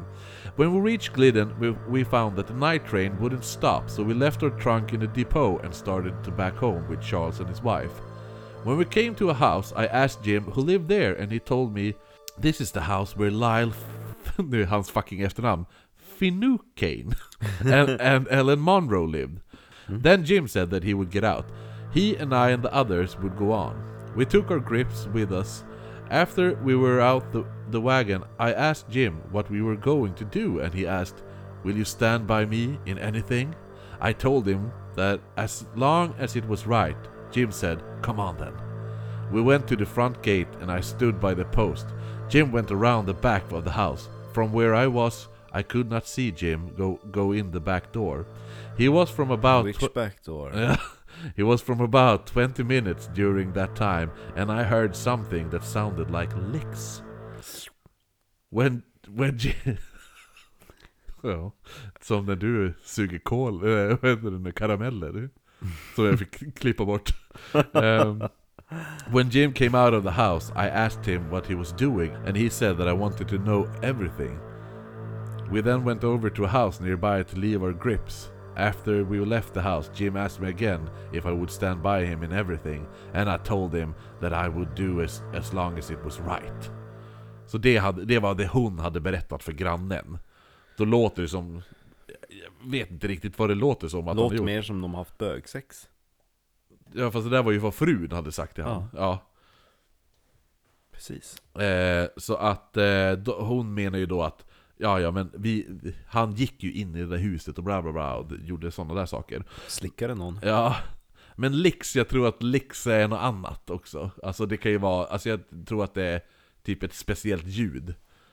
Alltså det är inte, det är inte att det låter som att det är någon som slickar. Utan det är typ tsk, typ sådär. Ah, ja, Ja. nåväl. Men det här vittnesmålet var inte alls pålitligt och Aida själv, hon nekade att hon någonsin skulle ha sagt något av det här. Nej, aldrig har sagt Nej. något sånt. Så det togs ju inte med i rättegången man hade då mot den här Fields, där hans advokater mest försökte förklara varför han hade 30 dollar i fickan istället för att bevisa att han var oskyldig till morden. Men det är det vad jag också vill veta. Varför han har 30 dagar Ja. i fickan. Ja. Eh, samtidigt skedde det mer mord medan rättegången hölls, men det verkade inte domaren bry sig om. För efter juryn fann... Då, alltså, Han bara, det finns ju fler mördare. Ja men juryn, alltså de fann ju han De bara, "Ja, men han är inte skyldig för mordet på Elsa Så det domaren gör då, han bara, "Ah, ja Men då ska vi kolla om han är skyldig till de andra morden Så att han gör då en separat rättegång för varje separat mord Åh gisses. Förmodligen för att han hoppades på att någon jury skulle finna honom skyldig för något av morden. Även fast man redan funnit honom icke skyldig. Så i slutet av se- september, alltså mer än sex månader, var den sista rättegången klar. Och juryn fann Fields för sjätte gången icke skyldig. Ja. Men då- skönt att ha det bortgjort. jo men alltså det är såhär bara, okej, då, alltså det där är ju verkligen, han, det här, den här domaren gillade förmodligen inte svarta. Och då han bara, nu, nu har jag en chans att sätta dit en svart person. Åh fan, nej de, de fann han icke skyldig. Jag vet, det finns fem till offer. Han har nog gjort något av dem. Sen efter den där var klart, han bara, men sen så har vi ju massakern i. Memphis som vi måste ta oss an. Eh, men som sagt, mordet... Alla, alla ouppklarade brott i Amerikat. Ja, eller hur? Det är bara att börja beta av. Något har han väl gjort? Men morden, de fortsatte ju då, och förmodligen för Du att... ser, Ja, finns mer brott att ta sig an. Förmodligen för att mördaren ville bevisa att han fortfarande var fri, och speciellt när Clementine nu var tillbaka i tidningen igen. Klämman. Ja, för hon började erkänna massa saker och sa då på... på av alla går dagar runt. så väljer hon att, att, att säga det på första april. Hon går runt och erkänner massa saker, jag har inga trosor på mig. Det är kanske lite värre saker. Men jag, ty- jag tycker det är lite roligt att det är första april hon väljer. Ja, jo men det var, de- hon tar sina tillfällen. Eh, hon sa då att hon var en del av vad tidningarna kallade för The Human Five. Och enligt henne då bestod det av två män och tre kvinnor, där hon alltså var en av de här kvinnorna. Hon tog även på sig Andrews-morden, alltså de här morden som hon anklagade sin pappa för. Och så var hon medlem i The Church of Sacrifice and Perks. Det verkar... Mord... är hon bara upps, alltså söker hon bara Men uppmärksamhet? hon, ja, men hon är ju förmodligen, eh, Randall-morden har hon ju faktiskt, alltså Det har hon ju gjort liksom. Hon har ju utfört ett av yxmorden, eller varit med på ett av yxmorden i alla fall. Eh, för det är det enda mordet hon faktiskt har detaljer om. Randall är ju de morden hon åtalas för, och ju längre tiden gick, desto mer mord tar hon ju på sig. Och allt var ju bara för att, alltså Hela tiden när hon be, de bara, men berätta hur morden gick till Så ändrades alltid detaljer och plus att hon typ, alltså Förmodligen, alltså allting hon sa var saker hon hade kunnat läsa om i tidningen Hmm. eh, Och just det här att, ja men sådär sa du inte förra gången och sådana saker Men Randall-morden De var alltid samma, det var väldigt detaljerat och det var alltid Alltid samma historia, där Men eh, vet ingenting. man inte vad hon, var det inte så att hon kanske kände någon? Eller eh, hur? Ja men, alltså, de, det var, de hittade ju blod på hennes kläder, liksom. Hennes bror kanske lånade hennes kläder? Ja, Eller ja, man. men, jo men det, Nej. förmo- det är förmodligen Jo. hon. Det jo, definitivt. Det här är i alla fall vad Clementine sa till, eh, eller hennes typ statement om Randall-morden. Clemmy. Oj, hon sa citat! Yes. My name is Clementine Barnabet and I was born and partly raised near the town of St. Martinville and moved to Lafayette about three years ago when I began to lead when I began to lead a life of de- degradation. I had never been married. It was a while in the company of two other women and two men while in New, New Liberia, uh, eller Iberia tror jag det är, that we met an old negro who told us he could sell us canjas. Candy. Nej, kan, kanjas, alltså C-A-N-D-J-A-S. Jaha. With which he could do as we pleased. And he would never be detected, and would be protected from the hands of the law. By the mere fact of these kanjas being in our possession. We bought them and paid three dollars each for them, and left New Iberia the same night, returning to Lafayette. When we began to plan our actions, we had not yet de- decided on committing any murders, but it was a while we were discussing our further plans that the question came up as to whether we could kill and be protected by the hoodoos. One of the gang was instructed to go to New Iberia and interview the hoodoo man, who said that we were safe in any and all action which we might do. Our lives would all times be fully protected uh, by the power of the hoodoo. Så att de utförde alltså mordet, det här, i tron om att de var skyddade efter de hade köpt den här kanjaserna. Som då var, alltså hoodoo är ju... Ja, det var inte voodoo, det var B-versionen.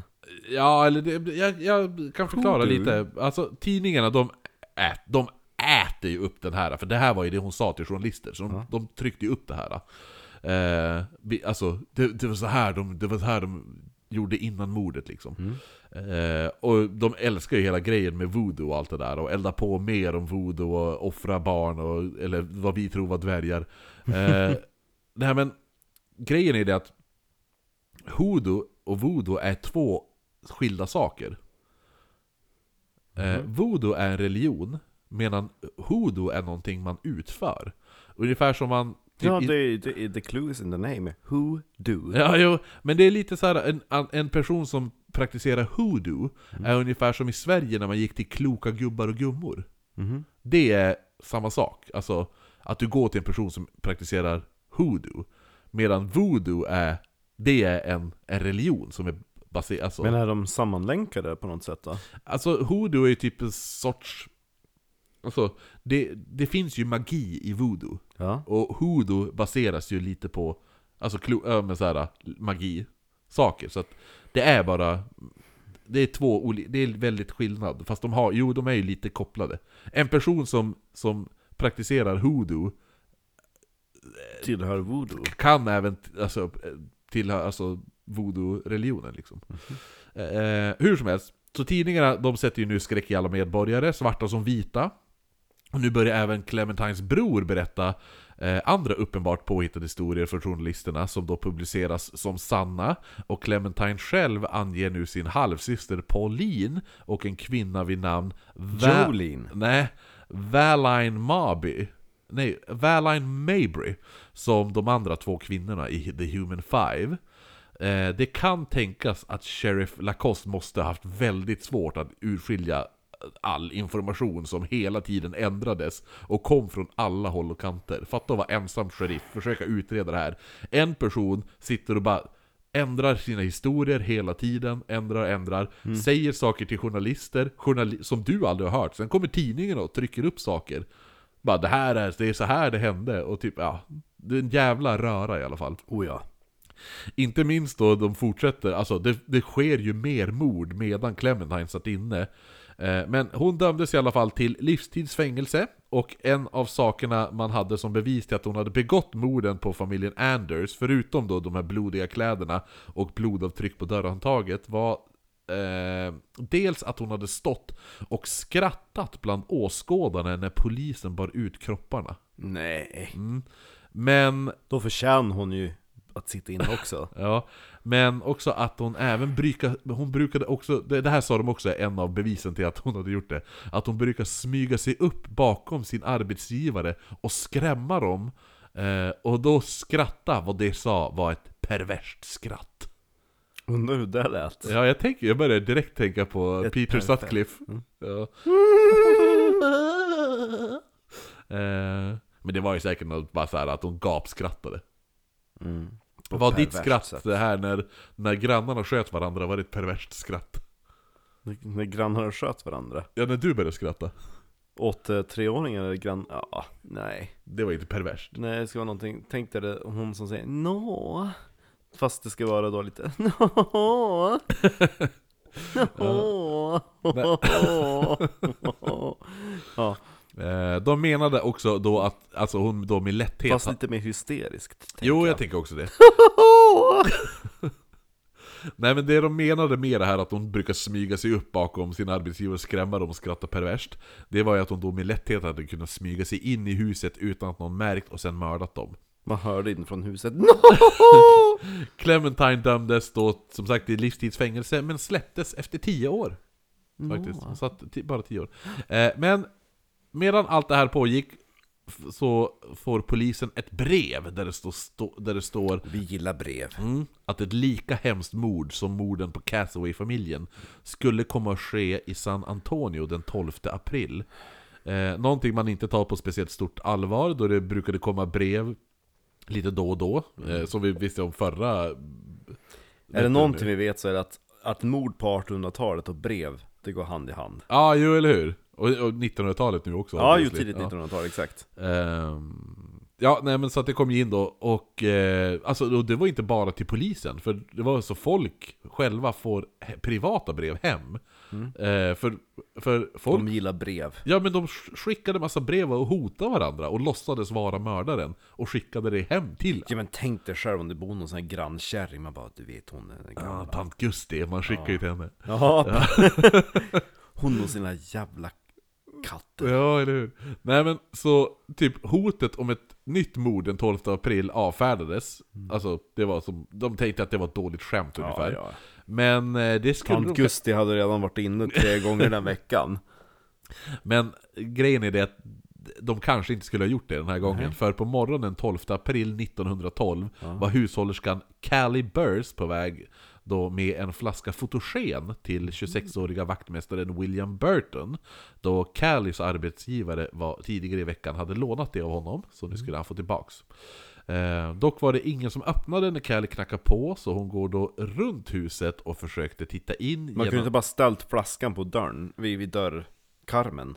Ja, kan, kan man ju säkert. Ja. Eh, Men är inte hon, hon skvallerkärring? Nej men Fast i ett fattigt område Det kanske det blir lätt att någon bara Oh, där står en, en flaska Ja. Den vill jag ha Med fotogen. ja. Nej men Callie knackade då på Men inget hände så hon går då runt huset och försökte titta in genom ett av fönstren Men gardinerna var Nej, för... hon var en skvallerkärring, det hör man ju nu. Man har provat på framsidan, baksidan. Nej, då ska jag gå och kika in, inte Titta bara... in, ja. Inte bara, han, han kanske är ute på en promenad. Vilken Ja. normal människa gör det? Eh, Eller, han kanske bara ligger med sin fru. och inte, ja exakt Han bara, åh, ja, Så står hon där eller hur? Släpp in mig!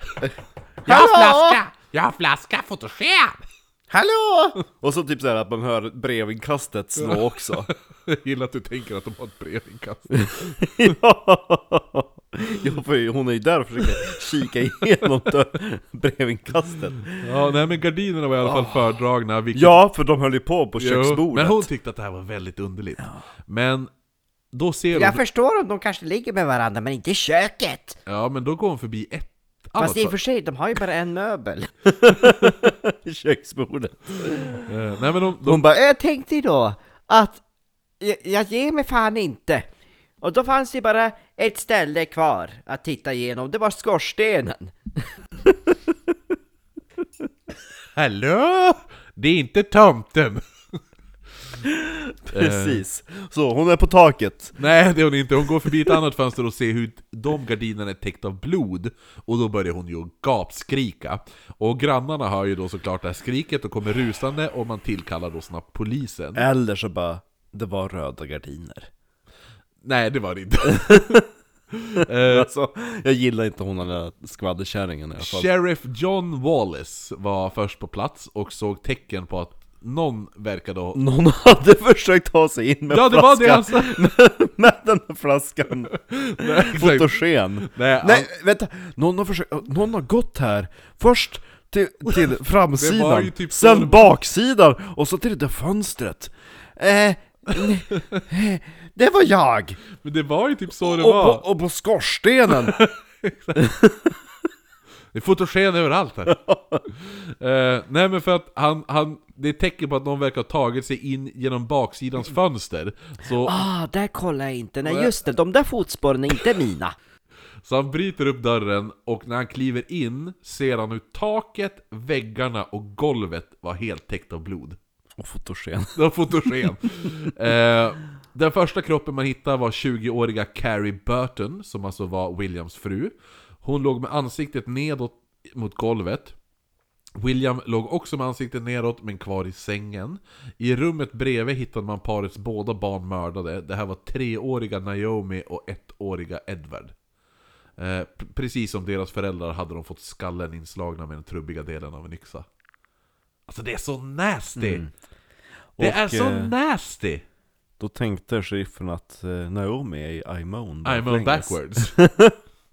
Han skrev det i... Eh, I, i sin rapport. ja. I samma rum så hittar man även Carries bror, som hette Leon Evers. Han var död på golvet med skallen inslagen. men att Och- ingen, alltså det är vuxna människor, det är fri, alltså inte, inte ja. alla men många är det. Ja, det är minst, min, alltså oftast är det ju två vuxna. Ja, Det- jag menade alltså att och, och, det kom in en galen yxmördare i ett hus på typ tre vuxna och två barn. Ja. Att det är, alltså det är väldigt konstigt att ingen vaknar. Eller, eller alltså att ingen lyckas övermanna han. Nej, men alltså det är så här, han, han gör det ju när de sover. De måste sova jävligt tungt. Men det var i och för sig på 1800-talet. 1900. Mm. Och eh, då var ju fysiskt kroppsarbete väldigt hårt. Så att, Ja, de sover nog jävligt tungt. Ja. Mm. Eh, Särskilt om de är vana att skvallertanter går och bultar på dörren för minsta lilla grej. Då behöver man kanske men alltså, öronproppar. det är ju ändå också det här att det är ett, det är ett slag. Alltså fatta... Det, Men det var ju alltså, det, vissa hade ju överlevt det där slaget. Jo, jo. Men, eh, ja, jo precis. Som hon som stapplade upp. Ja, jo men jo, hon stapplade upp, gick några steg, sen, alltså... Men under de där stegen kanske hon hann skrika jävligt mycket. Jo men hon kanske var den sista som fick, s- alltså... Ja, då kanske det var för sent. Ja, om hon var den, ja, exakt. Det är ingen som har hört Men någonting. fortfarande, det är... eh, Man har oddsen mot sig. Ja, jo eller hur? Mörda en hel familj med en yxa För det liksom. låter ju någonting, särskilt i, i det detalj bara åh, ena slaget var så kraftigt så att huvudet hade exploderat. Jo, Det lär man ju höra. Jo men, undrar hur mycket Eller också på den tiden, golv knakar. Ja, speciellt i skjul. Ja. Där de inte har några möbler. Mm. Man kan inte... Bäst är att det finns ingenstans att gömma sig när de vaknar. Ja, Han kan inte typ, såhär, hoppa under det. Stackars barn egentligen, de har aldrig kunnat le leka du vet såhär golvet är lava. golvet lava! Har jag förlorat. Hela huset är ett golv. Ja, ja, nej men i alla fall. Eh, bredvid, De bar- bara, kan vi räkna väggar som möbler? Så får har jag väldigt mycket möbler. bredvid barnens säng fanns en balja med blodva- blodblandat vatten. Eller så tur som om att sitta i jägarställning. Gör en stol, titta! Eller så hyrde de in Bernadette. Ja just det, som bord. Ja, Nej, men, senaste, det här är franska möbler. så, Portabla. Bredvid, bredvid barnens säng då så stod en balja med blodblandat vatten där mördaren då tvättat sina händer. Men en sak var faktiskt nytt från de tidigare morden och det här var att en kniv hade huggits in i ryggen på de vuxna offren och lämnats där. Så på Carrie hade man då med en kött Med tre olika knivar Ja? Oj. köttyxa lämnats kvar i ryggen. På William en fickkniv och Leon hade en kökskniv. Ingen hade en matkniv. Nej. Nej. Dessa mord skedde bara några kvarter ifrån Castaway-morden. Och man fann även att i båda fallen så var fruarna inte svarta. Eller? Ja, och barnen Barnen då var ju både av, hade både svart och, svarta och vita föräldrar. Eh, Lizzie Castaway hade, alltså hon hade varit helvit medan Carries föräldrar var svart och vit, vilket gav henne då titeln Mixed Race eller Mulatto Woman som tidningarna beskrev det som. Halfbreed som Cher skulle ha sjungit. Ja just det, ja, jo, share. Ja. Eh, och polisen började tänka Hon fram... hade ju en farewell tour då. Just det, ja, ja men det har du pratat om förut tror jag. Ja. Nej men polisen börjar ju nu tänka fram ett motiv, alltså att det kan vara motivet. Det här mixed race-grejen. Att, att svarta, ehm, svarta och vita inte ska blandas. Förstår du? Mhm. Ja, att... att eh, för, för du kommer ihåg den här eh, sekten där som hatade vita och, inte, och ville döda alla vita. För att komma till himlen. Ja, de, de uppmanade ju inte att skaffa barn liksom med vita människor heller. Precis. Eh, så de menade att yxmördaren var religiöst driven och det var ett stycke i Matteus evangeliet, visst heter det det? Heter det Matteus? Ja. Ja, Matteus evangeliet som Det beror i och för sig på vilket evangelium du tänker på. Ja, det är det här eh, som jag kommer läsa nu. Citat! And now, Also the axe is laid unto the root of the trees. Every tree therefore which brings forth good fruit is hewn down and cast into the fire. Case. Ja. Så de tänker då att trädet representerar människor och att den dåliga frukten ska vara mixed, alltså såhär, mixed race barn då. Eh, men alltså, det här är ju bara en teori de hade också. Det är inte någonting som är säkert, vad motivet är. Eh, det var heller inte säkra på att The Church of Sacrifice, som de nu hopplöst jagade, men de var övertygade i alla fall om att mördaren var svart, sa de. En del kedjebrev börjar nu även slinka ner hos svarta befolkningen i staden, som var adresserat från Houston. Brev som jag skulle påstå... Lever han? Då också? We have, Houston, we have a problem. Ja. Jo, jo. Det är hans problem, han dör aldrig. eh, nej men, det här skulle jag påstå var det original. Skicka det här mail vidare till nio vänner, så kommer din önskning gå i uppfyllelse. Precis. Du vet de, de mailen som... För du kommer ihåg du sa... Vi sa du det? Sådana här spam-mails. Jo, jo. Ja. Mm. Det här är ju the original sådana. Eh, så mail som alla fått, och, eller mail, alltså, ja, Brev. det, det är ju sådana mail. Post. Ja men du och jag har ju fått mail, liksom med den här Skicka det här vidare till nio personer. Ja, ja. bla, bla. Men de här får ju alltså brev, och många... Alltså, gud vad många som har skickat det till mig. Och det är så jävla drygt när det är kompisar, typ såhär... Så här, typ en arbetskollega som skickar någon ett sånt där till en, och så man bara, "Du- alltså gud. Så jävla sämst du är. som skickar såna här chainmails vidare. Din tant! Du bara, Typ julkramen eller vad sjutton det är för någonting. Nej men det är massa sådana här bara, skicka det här, om du inte gör det då kommer, eh, då kommer du få ett miss, hemskt liv typ. Ja, Precis, ja men hur låter de här då, då? Kedjebreven? Jo, där stod det skrivet. Sitter- We implore thee to bless all mankind and keep us from all evil and take us to dwell with thee. Och sen följde det med Copy this nine times and send it to nine friends with the promise that you will evict great joy on the ninth day. Åh, det var ju verkligen... Åh! Och så kopiera, det var inte såhär... Nej exakt, det är inte copy-paste, nej. skriv av! Nej! Du måste sitta och skriva nio brev! Och betala porto! Ja, eller hur? Han bara, "Nej, jag orkar inte gå och lägga det i grannens brevlåda. Ja, så slipper jag betala frimärken. Eh, I Men slutändan... alltså herregud, ja men det är ju vidskepelse också, det ja, är det ja, ju. Vilket folk inte tänker på, men så är det ju. Ja, speciellt på den här tiden, 1912 liksom. Ja gud ja, det är 1800-talet. Det är 1800-talet. I slutändan så släpptes alla misstänkta man hade och William och Carrie Burton begravdes tillsammans med eh, alltså deras två barn då. I stadens kyrkogård. Alltså på plats nummer tre. Som alltså var samma plats som familjen Casaway hade begravts på året innan. Oj, De- grävde man upp dem då? Ja, alltså det fanns väl inga kvar som brydde sig. Så att båda de här yxmordfamiljerna begravdes i samma grav. De bara, oj här ligger det ruttnande lik. Men innan, Eller så be- begravde de typ dem väldigt grunt, vad vet jag. innan begravningen skedde så skulle våran yxmördare slå till igen. Och bara några timmar efter mordet på familjen Burton, vilket tidningarna då var snabbt med att döpa till The Night of the Double Event. Nej! Ja. De hade inte ens någon fantasi. Så bara en natt efter attacken på familjen Burton så tar sig... Alltså det är ganska kul också att de döper det till The, the, the, the Night of the Double Event och det, det är... Alltså, det är två dygn, olika dagar. Det är typ såhär, vad är det, 20 år efter Jack the Ripper? Ja. 24? 88, 88, ja precis, det är Till 1912 1912, ja, precis, ja, ja. ja. Det är nu alla konspirator- konspirationsteori kommer in. Finns det något samband mellan Ja, hur? och Jack the Ripper? För Nej, men- bägge två heter The Night of the Double Event. Exakt. och Nej, men, de fick brev.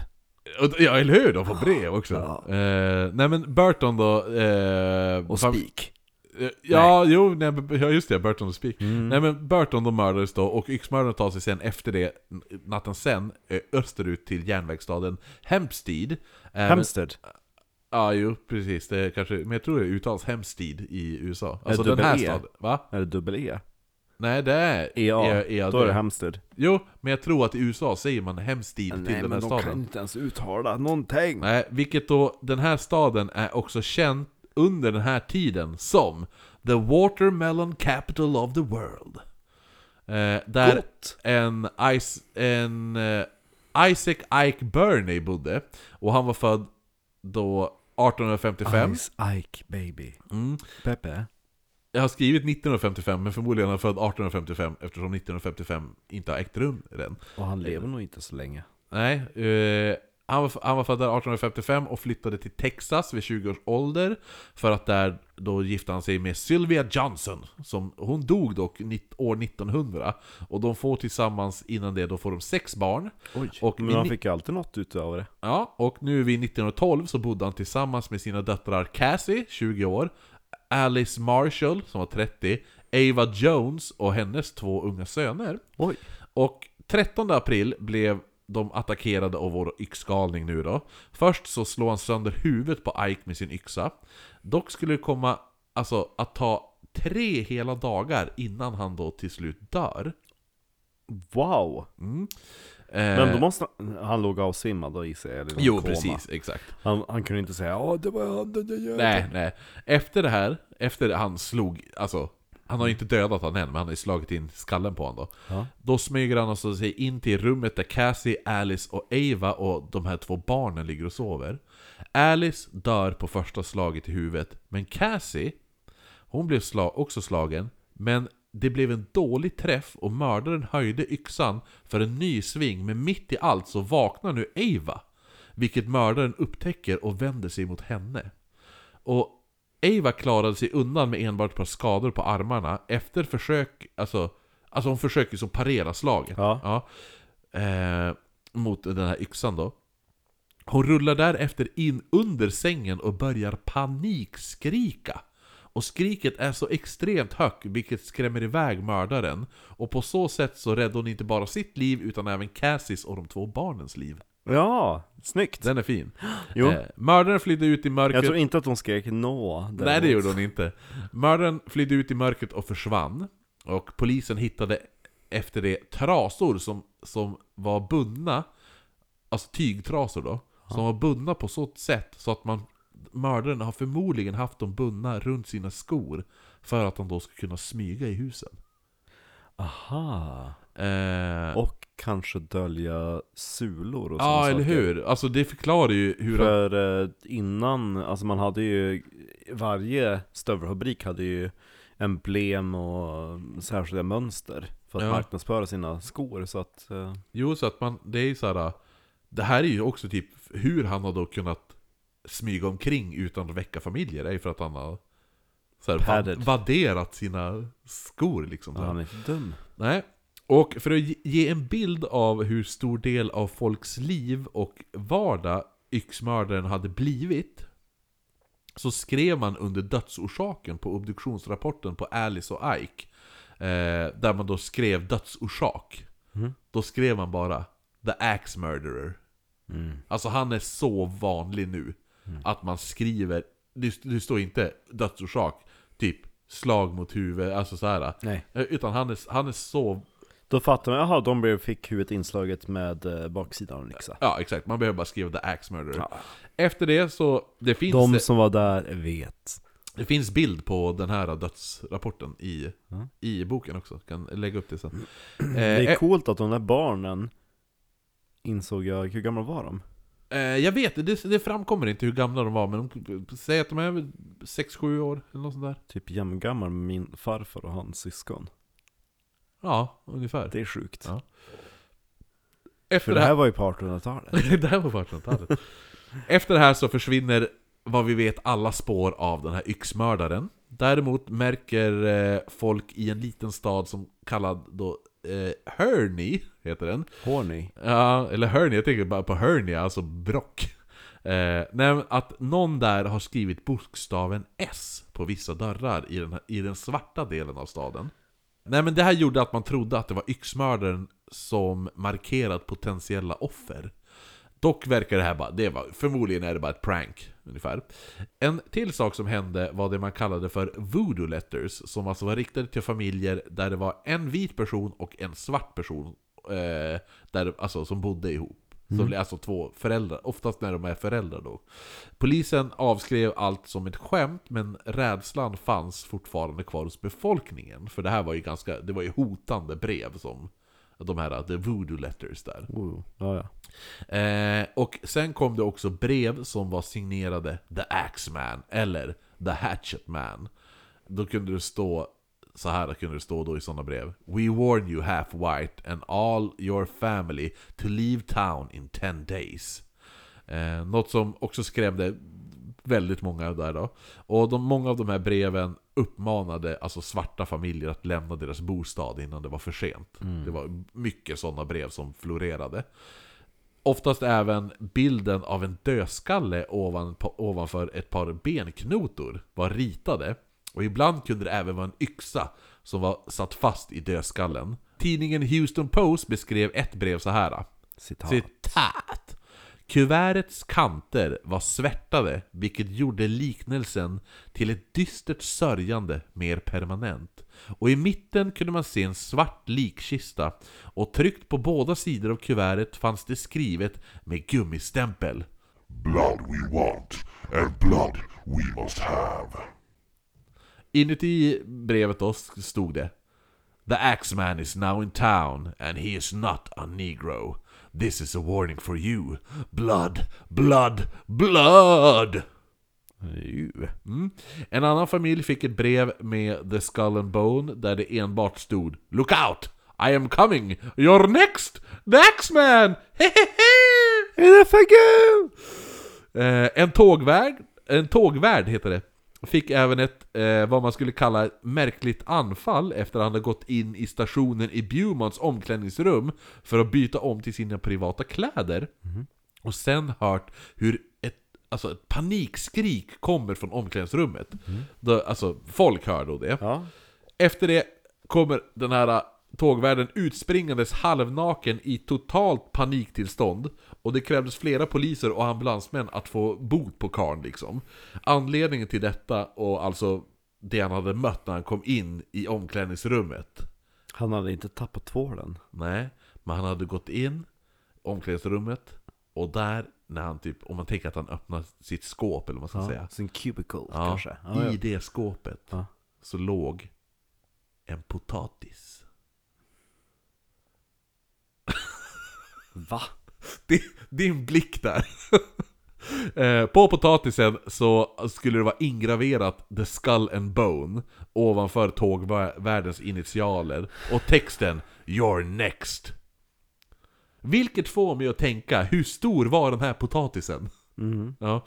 Eh, nej men i alla fall, det kom även brev till polisen och eh, Bäst vore om han inte ens kunde läsa. Nej, eller hur? Nej men jag kommer inte läsa upp allt det här nu, men, men eh, Ja, eller ja, jag, lä jag läser ett av breven som kom. Vänta, ska se. During the last 12 months, a large number of Negroes have been brutally murdered by some person or persons in Texas and Louisiana. In every instance, men, women, and innocent little children have been brained as they slept in their homes.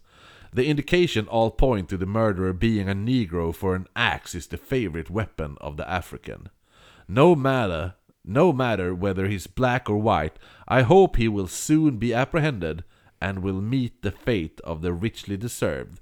Following these brutal murders, many Negroes are receiving anonymous threatening letters, evidently written by some hellish white man, which have caused much unnecessary uneasing among the blacks, such as the act of height brutality, and the writers themselves liable and to serve punishment if detected. They ought to be hung. Det var vad en person, alltså han var så jävla less. Så han skrev det här, alltså, och det publicerades i tidningen. Jag tyckte det var jävligt bra. Alltså bara, alltså, får, får, man fa- alltså får man fast vem fan som skriver de här? Det är förmodligen vita idioter som sitter och försöker skrämma redan rädda svarta människor. Jo, det var lite det vi var inne på, att Ja. folk gillar det. Så att han, han bara men fuck you dude. liksom så här. Nu är, vi- det, nu är det slut. Ja. Är det här ett party? Ja, jag, jag, jag, tror, jag har jättemånga av breven, så jag ska försöka spela in dem själv, och så kan jag kanske släppa dem på Patreon. Eller någonting. Mm. Ja, så då får man lyssna på några brev där. Eh, men. ett brev var även markerat av en person som eh, sa att han kom från The 105. Inte bara 5, utan The 105. Som då var ett gäng som var ute för att, citat, Kill some negroes, hade de sagt det. Och menade att yxmorden var, alltså han, han, han, han menade då att yxmorden var fel och att han erkände sin del i det. Eh, och han sa att barnen borde inte ha yxats ihjäl. Och han menade då i brevet att offren var förutbestämda av en äldre man som eh, typ såhär, vad ska man säga? Ja men såhär, siat, eller vad man ska säga. Siat, ja, i, ja exakt, Ja, i ja. förväg. För att utse vilka familjer som ska dö. Eh, Det var två sorters personer som skickade de här breven och meddelanden. Den ena var då bara idioter som tyckte de var rolig. Typ dåtidens internetkommentators idiottroll. Som bara slänger ut något väldigt stötande för att visa, alltså, alltså, eller för vissa, och sen inte behöva möta verkligheten ungefär. Standard, som idag. Eh, Eh, den andra sorten var ju bara då typ straight up rasister som njöt av att köra på skrämselpropaganda. Speciellt när de säger att yxmördaren är svart också. Att de då kan fortsätta. Jo, de vill slänga Ja. bränsle på rätt brasa. Ja, så fatta hur många så här inavelsvännersbor som tog chansen till det här liksom. Det var länge sedan vi kastade någonting mot. Vännäs. En, en vit man som även blev påkommen när han försökte ta sig in i Postat brev. Nej, men han försökte ta sig in i en svart kvinnas namn. Eh, Namn? Namn. Som försökte ta sig in till en svart kvinna vid namn Mary Coulter. Men blev ivägjagad av hennes son som matade skott mot honom. Oj. Men det verkar, alltså... ah, Det här var förmodligen bara en inbrottstjuv typ. Men det var extremt mycket sådana här berättelser, alltså... Vi skulle kunna fylla ett helt avsnitt om massa olika sådana här... Där man, åh det var förmodligen han, och jag tror att det var yxmördaren som försökte bryta sig in hemma hos mig och sånt där. Eh, men det skedde ju såklart fortfarande attacker på svarta familjer, och det bör ju understrykas med, alltså... I bevisen verkar det som att vår yxmördare faktiskt försvann nu. Dock finns det vissa tillfällen man inte är helt övertygad om att han är borta. Så San Antonio i juni 1912, då James Dashel, 40-årig pensionerad brevbärare, som bodde med sin fru Lula och hennes... Lula? Nej, Lula. Aha. L-U-L-A. Och deras dotter och tre söner. De hade bott mitt emellan familjerna Castaway och Burton. Eh. James vaknade mitt i natten av att en svart man med vad han trodde var en yxa försökte ta sig in i hans hem. Och James, alltså, han jagade iväg mannen direkt då. Men kunde inte ge någon annan beskrivning än vad han sa, citat! Svart eller mulatt. Var, var, som han beskrev Det var ju mört. Eh, och yxmord i USA slutar ju såklart inte där. Det är ju bevisat i alltså, många fall senare. Eh, dels två stycken, det första som vi även menar, alltså det vissa tror ska vara samma mördare. Men som vi här i Oknytt säger att vi sätter ner foten och säger nej! Det är inte alls samma mördare. Eh, Det är ju då det här mordet på familjen som skedde natten mellan 9 och 10 juni 1912 i Iowa. Och Iowa, om man inte vet vart det ligger jämfört med typ sydstaterna, så är det alltså inte sydstaterna. Utan det är mitten och norrut. Norrmitten, typ. Eh, lite åt höger, typ. Norr, mitten åt höger. Ja. I alla fall. Och det är vad som är känt som The Villisca Axe Murders. Ett fall som är typ 350 000 gånger mer känt än alla de fall vi har tagit upp nu. Oj. Och anledningen till att Villisca är ett fall att alla känner till, dels är det ju att den här familjen var en vit familj som mördades. Vilket får betydligt mer Coverage. Alltså, ja, precis. Ja. Men också är det ju det här huset som de mördades i, är nu ett museum. Det är coolt. Ja. Och en annan sköning där man trott att vår yxmördare då vaknat upp igen är de mord man kallar för The Axeman av New Orleans. Där yxmördaren, som vi pratade om tidigare, ville få alla att spela jazz. Just det. Ja. andra poddar, alltså typ alla andra poddar som tar upp mord och sånt där. Ja, eh, de, de, alla har tagit upp jazzmördaren och Villiska-morden. Eh, det man inte har tagit upp är morden på jättemånga svarta familjer i amerikanska södern 1909 till 1912. Vilket vi har gjort. Mm. Jag tror att vi är bland de... Alltså jag, jag, som jag tror jag sa till dig, jag har inte varit med om någon annan podd som tar upp de här Nej, morden. jag känner inte igen det överhuvudtaget, men du lyssnar på mer true crime och mord och brottspoddar än vad jag gör. Ja, jo, jo. Men, Jag gillar mysterier och sådana saker. Ja, det men här ett är eh, mystiskt. bra mord. Ja. Men eh, så att eh, man vet inte. Är, han åkte aldrig fast den här personen i alla fall. Förutom Och, Clementine. ja, Clementine åkte fast och vissa menar att Vissa tror att det är, hon ligger bakom flera av de här morden. Mm. Hon, hon, förmodligen har hon gjort Hon ju, många. hon var för övrigt väldigt störd. Mm, en bild på henne här. Eh, Är den tecknad? Nej. alltså det är ändå sjukt att hon skrattade åt, alltså då hon själv var svart också. ja, eller vad då tänkte du? Men att hon, att hon var så skadeglad. Ja men det var ju hon som, hon, hon mördade ju, för- alltså två, av- två, av, två av de här familjemorden är det ju hon som ligger bakom. Mm. Ett var hon med och utförde och ett var det hennes medhjälpare som utfördes. Det är ju garanterat. Sen, är det, sen har de säkert utfört andra mord också. Mm. Garanterat. Klämman. Ja. Så att, ja men vissa menar ju att det har varit hon och hennes gäng hela tiden som har gjort alla mord. Men det tror, jag tror inte det. Nej jag tror inte det heller. Det känns som sagt som det är en, alltså det är så många som hakar på hypen, så det känns som att det är som sagt, det kan vara jättemånga. Precis. Ja, men eh, ska vi... Ska vi avsluta våran Mm. mo- yxmordserie? Mm. Du och din... Nu kommer du gråta dig till sömns till Babyface-polisen som varit mördad. Ja. Undrar om han var stilig. Det, det... Ja, säkert. 22 bast. Tänk dig din bror med babyface. Ja, jo. Så nästa gång, då är det 2021 och det känns faktiskt väldigt skönt att lämna det här förbannade året bakom sig. Ja, jag vet inte varför 2021 skulle vara så mycket bättre. Ja, det är ett oskrivet kapitel. Jag kommer ihåg när vi 2019, alla bara 2020, det ska vara mitt år. Ja, men alltså det har ju varit lite oknyttets år må jag säga. Det har gått bra för oss. Vi har köpt in ny teknik, vi har varit i England. Eh, vi har eh, fått en väldigt stor lyssnarskara. Vi har gjort blodbadsvandringen. Det har. Ja, det är skoj. Ja, vi har varit väldigt effektiva Det här, trots... är, ja, det här är fan sista avsnittet för året ja. Mm. Det här är, det här är sista... Ja, det är ett bra avslut. It is Bra. the closing of the year. Ja, det var, det var skönt att eh, beta av, alltså lägga sista avsnittet vart sista delen. Ja. Ja, ja det var bra. Men vad kommer? What will the future holds? Det är bara att hålla i er, så syns vi! Vet du vad jag, vet vad jag, vet vad vi har glömt? Nej vadå? Att nämna våran Instagram och allt det där. Ja, det skiter vi Vi skiter i det. Vi, ni vet vart vi finns. Vi finns på Instagram, vi finns på Facebook, vi finns på Patreon. Ja. Hör av er era jävla bitches. Gott nytt år! Happy New Year bitches! Och Marcus! Säg hej då nu Marcus. Hej då, Marcus. Babyface. Santa Bebe. フフフフ。